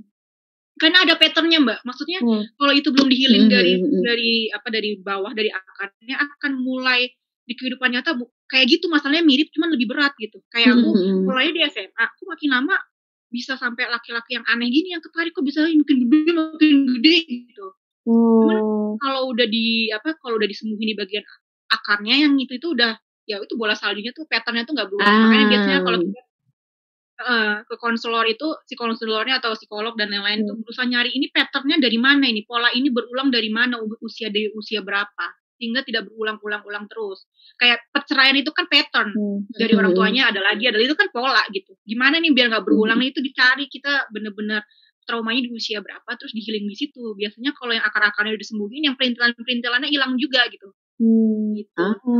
Waktu SMA baru ketemunya kapan April tahun kemarin April tahun ini Oh. Coba. Masya Allah, luar ya. Lama karena setiap aku taruh kok yang gini lagi yang datang salah dari mana Kayak, Hmm. Allah tuh udah bertahun-tahun sama Allah baru dijawabnya itu tahun ini coba jadi Allah tuh bener-bener kayak kamu belajar kamu yang ini dulu diselesaikan yang ini nanti dulu Hmm. baru Hmm. sekarang ketika udah tahu oh berarti aku perlu melakukan ini ini ini dan ini dan tuh butuh waktu lama jadi aku nerima aja Allah tuh mau ngasih jawabannya tuh kapan sih yang bermasalah adalah kita sebagai manusia nggak sabar nunggu jawaban Allah kok gak dikasih kasih sih Nah, betul betul. Kadang-kadang gitu ya. Kitanya nggak sabar. Ujian kehidupan itu sebenarnya ya masalah sabar itu. Karena apa ya? Penduduk surga itu masuk ke surga, mereka dapat reward surga itu karena kesabarannya gitu. Masya Allah. Jadi emang bener-bener sih ya kalau mau menjadi ahli surga, bener-bener kesabaran kita harus sangat-sangat dilatih dan diuji banget. Iya. Masya Allah. Dan Baru- karena April akhir April kemarin aku baru tahu jawabannya sumbernya dari mana tapi masya Allah karena proses yang lama itu dan kesabaran yang luar biasa itu aku ngerasa mbak Nadira tuh punya apa namanya pengalaman yang berharga banget buat orang lain yang belum tahu loh dan itu kayak berharga ini lagi Uh-uh. dipoles lagi. Tadi kan habis di, dilempar lumpur gitu ya. Nah ini Hmm. tuh dipoles lagi dia biar malah makin shining dari sebelumnya Uh. gitu. lucu mama aku bilang ma kalau aku nikah laki-laki yang begini gimana ah mama kutuk masuk eh masuk masukin lagi gitu Gak ada tuh Hmm. bi- bikin kamu masukin lagi ke dalam lumpur enak aja anak mama gitu. Ya kadang ada masih ada ketakutan-ketakutan di Iya. Gila ya, atau gimana. Ya, wajar itu manusia. Asal Hmm. jangan diteruskan. Ketakutan Hmm. jangan dipikirin terus jangan-jangan itu kan jadi tadi jadi habit. Makanya aku oh enggak ini Hmm. perlu di yang ini jangan terlalu lama. Itu gitu kalau udah udah mulai healing cepet gitu. Eh, switching yang Oh, tadi. Hmm, karena bisa ngelihat Kalau aku dari tadi tuh notes ya bahwa kalau Dira tuh kayaknya sering mengasih itu ya nego itu part of nego itu adalah memberi waktu. Jadi kayak nentuin waktunya oke kapan mau misalnya merasakan kesedihan ini nangisnya sampai berapa lama? Kayak Hmm. ditentuin gitu kan sampai kapan? Mau ininya kapan? Ya nggak sih? Itu ngaruh nggak sih? Karena kadang-kadang kita kalau nggak pakai kayak gitu ke bawah gitu ya hanyut. Bablas gitu. Tergantung sama masing-masing orang. Kalau aku sangat efektif Hmm. begitu karena eh, mungkin pola asuh Hmm. juga nah Hmm. em, aku nggak pengen aja kalau aku termasuk orang kalau tidak diberi tegat waktu aku akan nyantai-nyantai jadi lebih Ah, galau jadi lebih lama ini aku tipe yang kayak gitu Hmm. dan diri aku emang butuh diri aku tuh terlalu berisik mbak beneran berisik banget dan dia Hmm. kalau misalnya aku melanggar janji yang aku ucap sendiri dia marah banget gitu loh Hmm. Eh, apalagi kalau misalnya aku mengeluarkan aib yang sudah di, di, di dalam diri aku tuh ada bagian yang dia sangat taat pada aturan agama. Kan ada yang Mm-mm. gitu ya. Hmm. yang ngasih tahu bahwa ini norma agama nih nggak boleh dilanggar. Ini norma masyarakat. Ada yang ngasih Hmm. tahu gitu kan. Itu namanya ego personality gitu. Nah ketika dilanggar dia akan marah banget. Nah sama ketika aku mengeluarkan suatu aib yang harusnya nggak diceritain dia akan marah banget. Dan itu ke fisik aku. Jadi benar-benar lemes banget. Jadi kayak gini mau jatuh. Dan dia marah banget. Badan aku jadi inget ke masa lalu dan segala macam. Dulu kayak gitu tuh. Hmm. jadi aku perlu perlu mendamaikan. Anak ini kan dia marah banget ya udah kamu mau marah sampai kapan? Kan ini nggak kayak begini. Jadi kadang butuh beberapa hari sampai dia ya udah deh. Hmm. atau kadang dia jawab ya udah aku pengen dipeluk aja. Dipeluk itu kayak bayangin aku meluk dia gitu. Ada bagian diri aku yang aku. Hmm. habisnya kamu kayak gitu sih. Atau kayak mau ngobrol kayak gini itu aku perlu dealing sama diri sendiri tuh bilang Mm-mm. hari ini aku mau ngobrol sama dua orang. Jadi jelas detail tuh. Orangnya tenang aja orangnya nggak akan nanya-nanya yang sampai apa? Kenapa bisa? Nggak pernah nggak akan. Beliau mereka berdua tahu agama. Kita juga udah tanya sama Allah kamu nggak perlu khawatir. Kalau badan mulai sesak napas lagi kenapa kamu sesak napas? Coba paru-paru aku kamu kenapa? Itu tuh. Karena berat banget masalahku dulu jadi after effect-nya tuh lumayan ke mana-mana gitu. Jadinya kalau nggak ditenangkan nanti aku ngomong kayak gini tuh bener-bener gitu nggak sampai gini gitu karena nggak ditenangin nah mereka tuh aku perlu Oh. waktu seminggu misalnya. Makanya aku nanya ke mbak mbak mau nanya apa nanti? Biar aku ngobrol sama diri aku bahwa nanti aku ditanya Hmm. seperti ini jangan kaget. Jangan langsung wah wah gitu. Karena juga pernah juga mbak saking uniknya kisah aku tuh mau di film Hmm. mau di direka ulang kejadian di Hmm. stasiun TV besar. Nggak tahu dia de- dengar dari mana tuh biasa kok bisa? Kok bahwa bisa? acaranya terkenal banget nasional gitu walaupun okay. nama segala macam aku bilang aku akhirnya bilang Hmm. gini ke orang TV-nya Hmm. Mbak, sebagaimana aku sudah berubah, insya Allah dia juga sudah berubah, jadi jangan dibahas lagi. Aku dulu kayak gitu. Hmm. Bahkan mau dibukuin. Penulisnya Hmm, terkenal hmm, lagi. Ayo kita Hmm. bukuin ya supaya nggak usah disebut namanya kok. Kamu buat aja gini. Aku bilang enggak mbak, makasih. Karena ini bagian bentuk penjagaan aku. Aku nggak mau ini berulang. Dia siapa tahu sudah berubah. Aku nggak tahu. Hmm. Apa yang terjadi, terjadi dalam kehidupannya dia aku nggak tahu. Hmm. Nah yang kayak gitu-gitu dealing sama diri Hmm. sendiri. Ada bagian diri yang eh kasih tahu aja ngapain biar dia tahu rasa. Nah, Ada iya, gitu-gitu iya, kan. iya. betul betul betul betul. Hmm. Manusiawi lah itu ya, julitan Iya, kejulitan nah, itu. yang diajak ngobrol Hmm. diajak ngobrol ih jangan kayak gitu kan aib terus yang Hmm. normal agama iya itu tuh aib gimana sih jadi kan ribut ya di sini tuh jadi Iya, iya, iya, iya. Akhirnya, sepakat gak nih ya udah sepakat ya udah be- beneran ya berarti sekarang kalau sekarang di ngomong di eh, di sini udah nggak apa-apa ya iya nggak apa-apa kok. Berarti kita aman kok kita aman gitu kayak ada suara kita aman kok kita macam kok. itu penting banget karena kalau belum Hmm. diajak ngobrol atau belum belum terima agak ada ada reaksi, biasanya ada reaksi fisik yang muncul entah sesak napas entah pusing tiba-tiba. Kadang sampai butuh sebulan dua, eh, dua minggu yang nggak bisa gerak gitu loh mbak. Namanya lagi trauma kan benar-benar gitu-gitu tuh kayak gitu Yes, yes, atau yes. atau orang biasa dipukul tiba-tiba udah gini langsung itu kan otomatis reaksi badan untuk melindungi Iya, diri. betul. kayak gitu-gitu loh. Respon ini ya, respon auto respon gitu ya. Nah, ada badan yang ngerasa ah, kita pernah digituin dan rasanya kayak gini tuh balik lagi itu dia masih ingat. Hmm. Hmm. Banyak yang perlu dealing apalagi orang-orang punya trauma berat. Itu perlu banget tuh. Apalagi aku sering banget Mbak dapet sedih banget dapat dapat eh, orang-orang yang dia tuh sama orang tuanya tuh bener-bener sering dipukulin tuh nggak cuma pakai tangan tapi pakai palu lah Hmm. Pakai apa sih pakai hal yang berat banget entah palu entah papan uh segala macam Hmm. maksud aku itu akan re- respon badannya akan parah banget itu pasti apalagi kalau ada gestur-gestur yang ini dia akan Iya. langsung badannya tuh udah. Bisa langsung. masa lalu gitu Hmm. gitu itu buat teman-teman yang punya permasalahan kayak gitu perlu hati-hati bang perlu di badan tubuh yang luka-luka ini diajak ngomong masih sakit ya ya Allah ya Allah masih sakit ya gitu. Kadang sampai nangis ya karena masih inget kan diapainnya itu badan Hmm. karena ya itu itu makhluk Allah maksudnya bagian tubuh kita Mm-mm. diciptakan sama Allah dia punya rasa juga ini sakit loh. Hmm. maaf ya ini masih ya aku tahu ini masih kerasa jangan jangan ini lagi. Kadang sampai oh gitu. Nah itu yang perlu eh, apa sih berdamainya itu nggak cuman emosi fisik juga. Makanya orang-orang yang punya masalah di emosi dia akan ke fisik juga entah kanker entah apa gitu gitu ya. Karena Hmm. dampaknya tuh berat banget berkesinambungan gitu. Emang Allah menciptakannya seperti itu. Jadi memang perlu pelan-pelan terima bahwa mungkin lama. Karena emang sama Allah kita dikasih uji Hmm. ujiannya lama nih. Maksudnya berat jadi ya perlu pelan-pelan pelan-pelan gitu loh itu ya, nangisnya itu ibuku sampai "Astagfirullahaladzim, mana pernah dikirim-kirim jin segala macam aku udah. Oh ya Allah, itu Wah, berarti itu udah, tamat aku udah tamat gitu yang gitu Oh, ya Allah, sampai ada yang begitu juga dia. Al-Baqarah setiap hari dihabisin biar jinnya tuh keluar dari badan aku. Karena itu kan paling kuat Allah. Ya Yes, uh, Al-Baqarah udah setengah jus lebih itu aku sampai astagfirullah nangis nangis kadang kayak Hmm. ditusuk di sini sambil keluar air mata. Hmm. Wah ini aku ditusuk sama jin ini Di- didoain sama mama iya, iya. Kayak kalau ngeliat aku nih anak kok ujiannya gak kelar kelar hmm, karena ada lagi ada lagi gitu. Berat hmm, di sini ditusuk di sini ah hmm. gitu sampai yang aku Allah. ya itu ampun deh aku bilang ya Allah aku udah nyerah deh. Aku udah udah surrender banget udah ini aku kalau bukan karena nggak ada agama itu aku udah udah udah, udah nyerah deh ini Hmm, bukan karena engkau aku udah nggak bisa lagi deh ini yang ngirim gak cuma satu biasa hmm. cinta ditolak dukun bertindak itu banyak Ya Iya. Allah, Rabbi, bener-bener ya. Hmm. nemu buhul-buhul di mana-mana juga Iya, ada. iya, Ya iya. Allah. Hmm, hmm, hmm. ini ya itulah kayak udah banyak banget Luar biasa.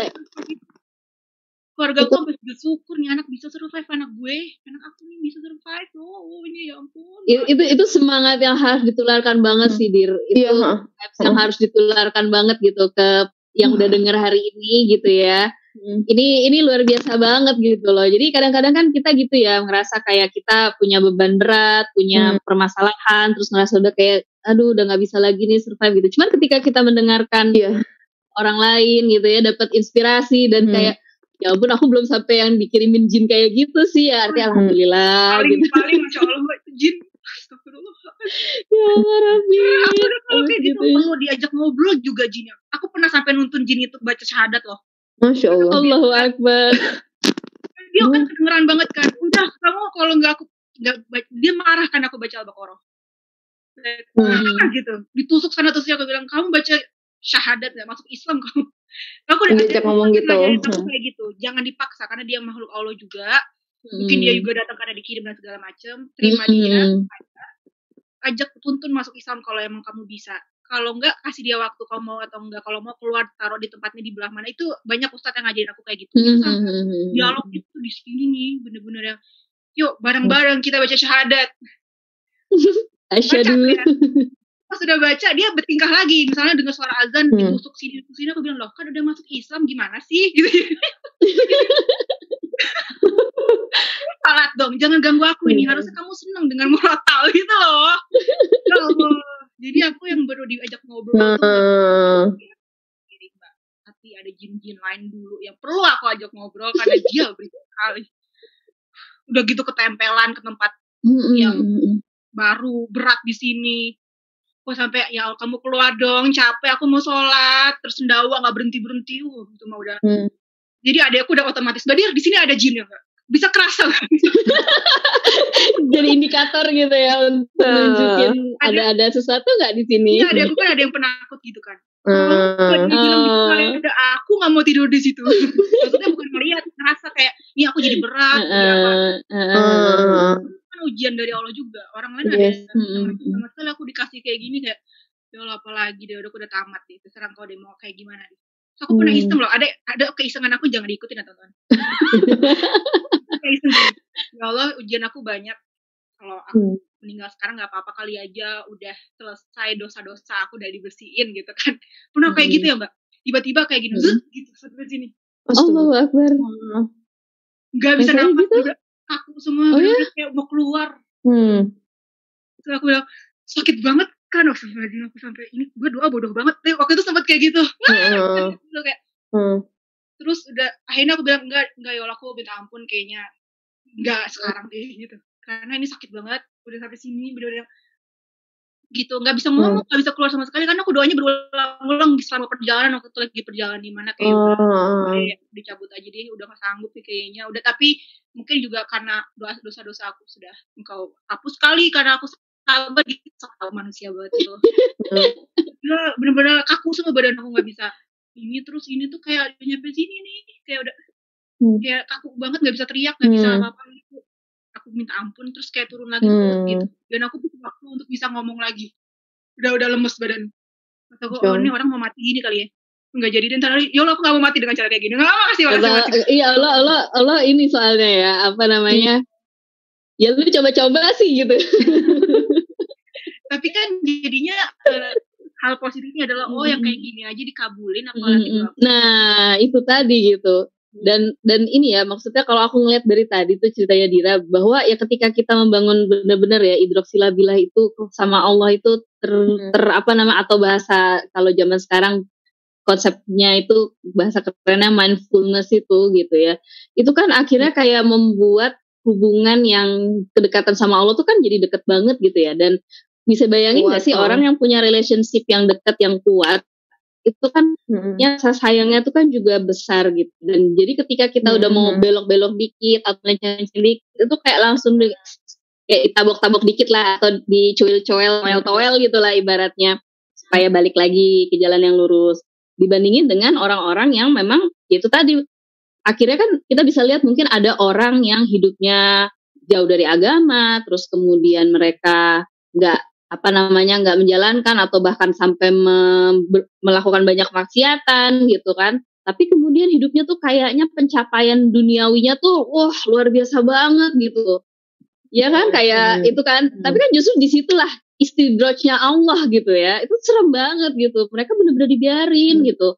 Nggak pernah sholat nggak pernah apa bener-bener nggak paham agama bermaksiat keluarganya. Tapi kehidupannya keluarganya baik-baik aja hartanya kayak nggak ada habis-habisnya gitu dan kemudian itu dibiarkan gitu jadi ya Iya. kayak Masya Allah ketika denger Dira cerita dengan banyaknya hantaman atau tekanan dalam hidup itu justru kayak ya Allah Allah tuh sayang banget ya sama Dira ini bener-bener dijagain Hmm. banget supaya nggak keluar Hmm. rel gitu ya Hmm. jadi nggak dibiarin gitu supaya terjadi istidros kan takut ya kalau istidros tuh lebih Iya. serem sebenarnya ya Iya, karena kita nggak nyadarin tiba-tiba iya aja. benar gitu dan itu buat pelajaran juga buat teman-teman gitu. Jadi mindsetnya seperti itu bahwa Allah tuh sayang banget gitu loh kalau kita toel gitu ya dikasih teguran gitu. Karena apa ya Allah tuh sayang gitu. Sebagaimana seorang ibu sama anaknya gitu kan. Kalau seorang ibu yang sayang sama anaknya itu kan pasti anaknya berbuat sesuatu yang keliru, pasti kan ditegur, dikasih tahu yang benar seperti apa. Gak mungkin akan dibiarin aja gitu. Kalau dibiarin aja cuek aja ya nggak sayang lah ibu itu artinya sama anaknya kan. Iya, itu Hmm. wah.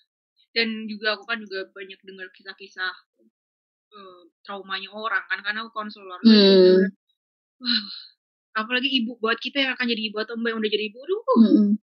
itu kisah ibu-ibu yang masya Allah nggak ada yang yang yang kadang aku pikir ini sinetron ini. ya ada Allah. ternyata di kehidupan nyata masya Allah gitu apalagi aku suka ada kumpul kalau para konselor itu kan menceritakan kisah-kisah yang di konseling itu maksudnya untuk jadi Hmm. pembelajaran bahwa ada kasus kayak gini loh wah itu kasusnya lebih aku pikir ini banyak kok ibu-ibu yang mentularkan traumanya ke anaknya sehingga anaknya melakukan sama gitu lagi gitu lagi permasalahannya Hmm. banget ya jadi aku bener-bener ya Allah kalau Hmm. memang masalahku ini maksudnya yang aku kasih tuh bisa bikin banyak orang jadi lebih baik bisa udah aware sama apa yang perlu dihilir ya udah Hmm. nggak apa-apa gitu serem banget dengernya soalnya itu masalah-masalahnya dan aku benar-benar bersyukur Hmm. banget kalau ada orang yang mau meluangkan waktu menghiling dirinya di saat Hmm. lingkungannya ti- tidak tidak mengizinkan itu lingkungannya maksudnya Hmm. dibilang inilah gila lah apa tapi dia tetap berusaha itu tuh ya ampun aku bilang betapa besar eh, pahala yang Allah kasih buat kalian dengan kalian bersabar gini me- me- menghiling diri kalian sendiri atau sampai yang pindah lingkungan karena aduh nggak sanggup aku di lingkungan yang ini itu kan bener-bener ke- keinginan yang perlu kita apresiasi gitu thank, thank you udah kayak gitu kamu nggak nyerah Nah, Masya Allah banget. gitu Masya Allah banget ya, luar biasa. BTW ada yang nanya, terakhir nih sebelum kita menutup malam ini, keseruan malam ini ya. Jam 10 sister Ya, makanya udah jam 10 ternyata Gak nggak kerasa berasa banget sekali. ya. Ini kalau misalnya mau konseling sama Dira gimana tuh? Maksudnya Ah. Dira buka apakah gitu jalur atau apa gitu? ada sebenarnya cuman em, di aku tonton DM aku aja ntar aku kasih nomor asisten aku sih cuman mungkin perlu rada ngantri sedikit karena aku kan lagi fokus sama ke Jermannya aku ya Hmm. di Senin sampai Jumat tuh aku rada full gitu karena aku belajar kayak Hmm. sekolah lagi jadi Hmm. perlu Hmm. ada ngantri dikit atau ada waktu di mana aku udah capek banget aduh kasihan kalau yang datang aku dalam kondisi aku belum siap Hmm. menerima permasalahan Hmm. jadi perlu rada ngantri dikit Udah ada ngantri. ada ada nomornya Berarti, Mm-mm. nanti bisa berarti nanti DM teman-teman bisa DM langsung ke nom ke D- Instagramnya Dira gitu ya? atau eh, itu aja di di, Mm-mm. di Instagram aku aku kan ada email yang itu kan di di Instagram tuh suka ada email gitu ya Hmm. bukan Mm-mm. ada bukan ditulis di di bio-nya cuman di ininya apa di kotak yang email gitu kalau. Pilihan feature emailnya itu ya? Yang video Hmm. email pencet aja itu nanti sama asisten Hmm. apa sih namanya Ah, oke Gitu ya. oke. kontak itu ada pilihan email ada call ada WhatsApp nah itu aja dihubungin di situ kan kalau di di Instagram itu ada pilihan kontaknya gitu ya ada fitur sendiri kan kontaknya Coba kita lihat ya. Nadira. Nah, ini ya Dir. Eh, ya nggak kelihatan. Oh, sorry gini nih. ya itu kan ada kontak Dan nggak tuh. ada kontak di kotak situ kan ada kontaknya Mm-mm. Jadi itu ada muncul tiga nih ada WhatsApp ada call ada email itu hubungin aja dua-duanya bisa itu asistenku jadi dia yang ngatur jadwalnya Jadi di bagian kontak ini ya teman-teman ya bisa dihubungin. Nama Instagramnya juga dicatat teman-teman kalau yang belum follow tuh. At Nadira ini ya tuh. Teman-teman follow. Terus kalau misalnya mau healing mau konseling bisa langsung hubungin ke kontaknya. Bergrup Kenapa? orang yang lagi mau taruh nih. Mm-mm. grup tuh barengan tuh. Ini kamu nanya kayak gini ya ntar bareng-bareng kayak ntar bagus Oh bareng-bareng. jadi kadang kan bergrup ada Hmm. temennya gitu. Atau eh, ada jenis-jenis grup yang aku kayak kita kadang nggak tahu kan trauma kita terlalu banyak sehingga Hmm. ketika mau ke psikolog bingung mau cerita yang mana mulai dari mana ya Ah. Nah, aku punya alat tes itu yang kita cari tahu traumanya yang mana, Ah. nanti udah jelas tuh paling gede skornya yang mana, itu yang perlu disembuhin duluan. nice Sehingga kalaupun nggak sama aku atau ke orang lain udah jelas, aku mau nyembuhin trauma aku yang jenis kayak gini loh. oke oke oke oke Hmm. Itu ada alat tesnya khusus. Nah, itu bisa online juga, cuman bareng-bareng aja biar gampang kayak ini aku mau kerjain ya ntar aku tinggal misalnya kalau udah selesai aku kasih tahu eh, jadi nggak bisa nggak bisa dia ngerjain sendiri aku Hmm. perlu dampingin cuman online juga bisa gitu.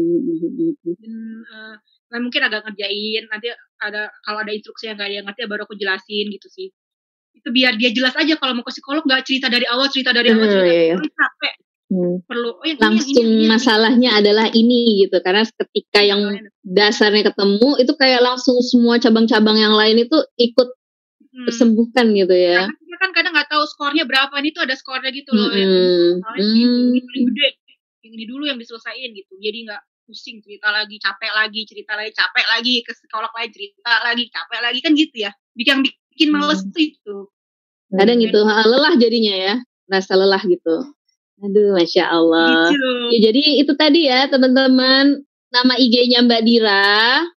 Tadi namanya @nadhira N A D H I R A Arini A R I N I digabung semuanya. Ya, teman-teman silakan langsung follow yang belum follow, terus kemudian yang mau konseling atau punya permasalahan atau ya itu tadi pengen ikut tes dan lain sebagainya seperti itu, itu bisa langsung kontak aja ke emailnya Mbak Dira. Insya Allah akan dibantu ya sama asistennya Dira ya. Walaupun memang harus agak nunggu, agak ngantri gitu. tanya Allah dulu aja deh kalau misalnya emang ngerasanya aku cocok lanjutin Mm-mm. cuman ya dengan konsekuensi kalau enggak silakan cari yang lain yang kalian merasa nyaman bagus aku bagusnya sesama jenis jangan beda jenis Mm, tahu agama juga jadi nggak dibawa ke mana-mana tuh sama psikolognya betul. Itu itu poin penting tuh. Perlu digarisbawahi sih ya, biar nggak dibawa ke mana-mana. Jadi memang akhirnya tuh masalahnya tuh akan selesai dengan sejalan dengan akidah kita juga gitu ya.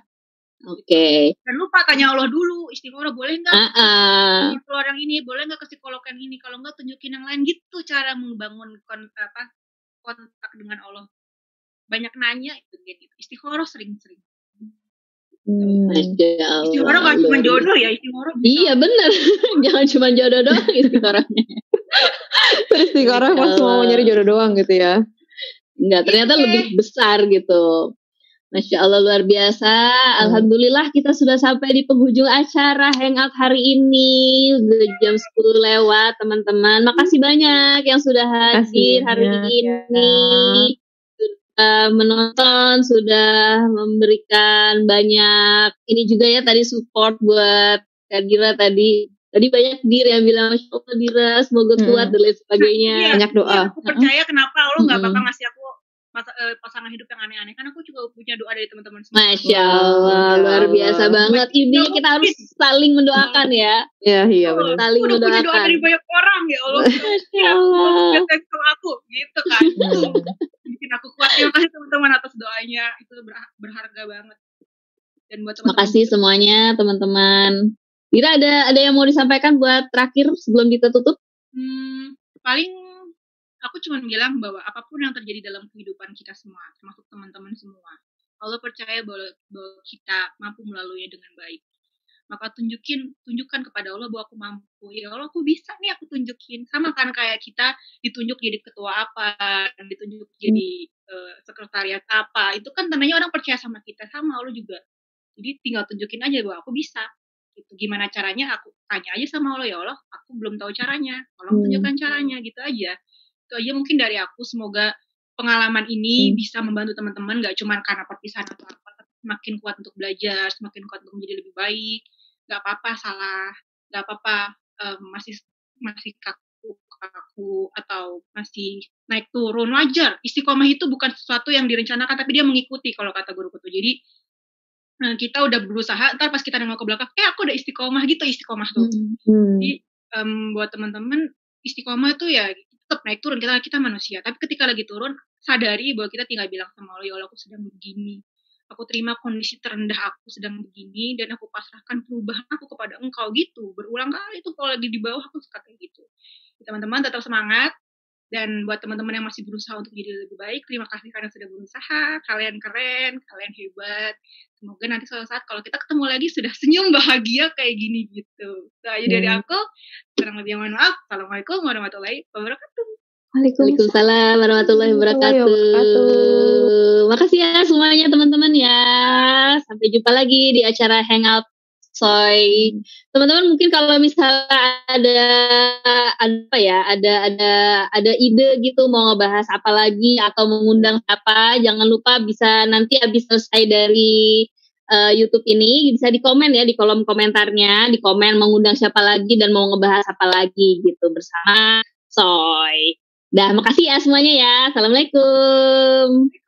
Assalamualaikum. You magical.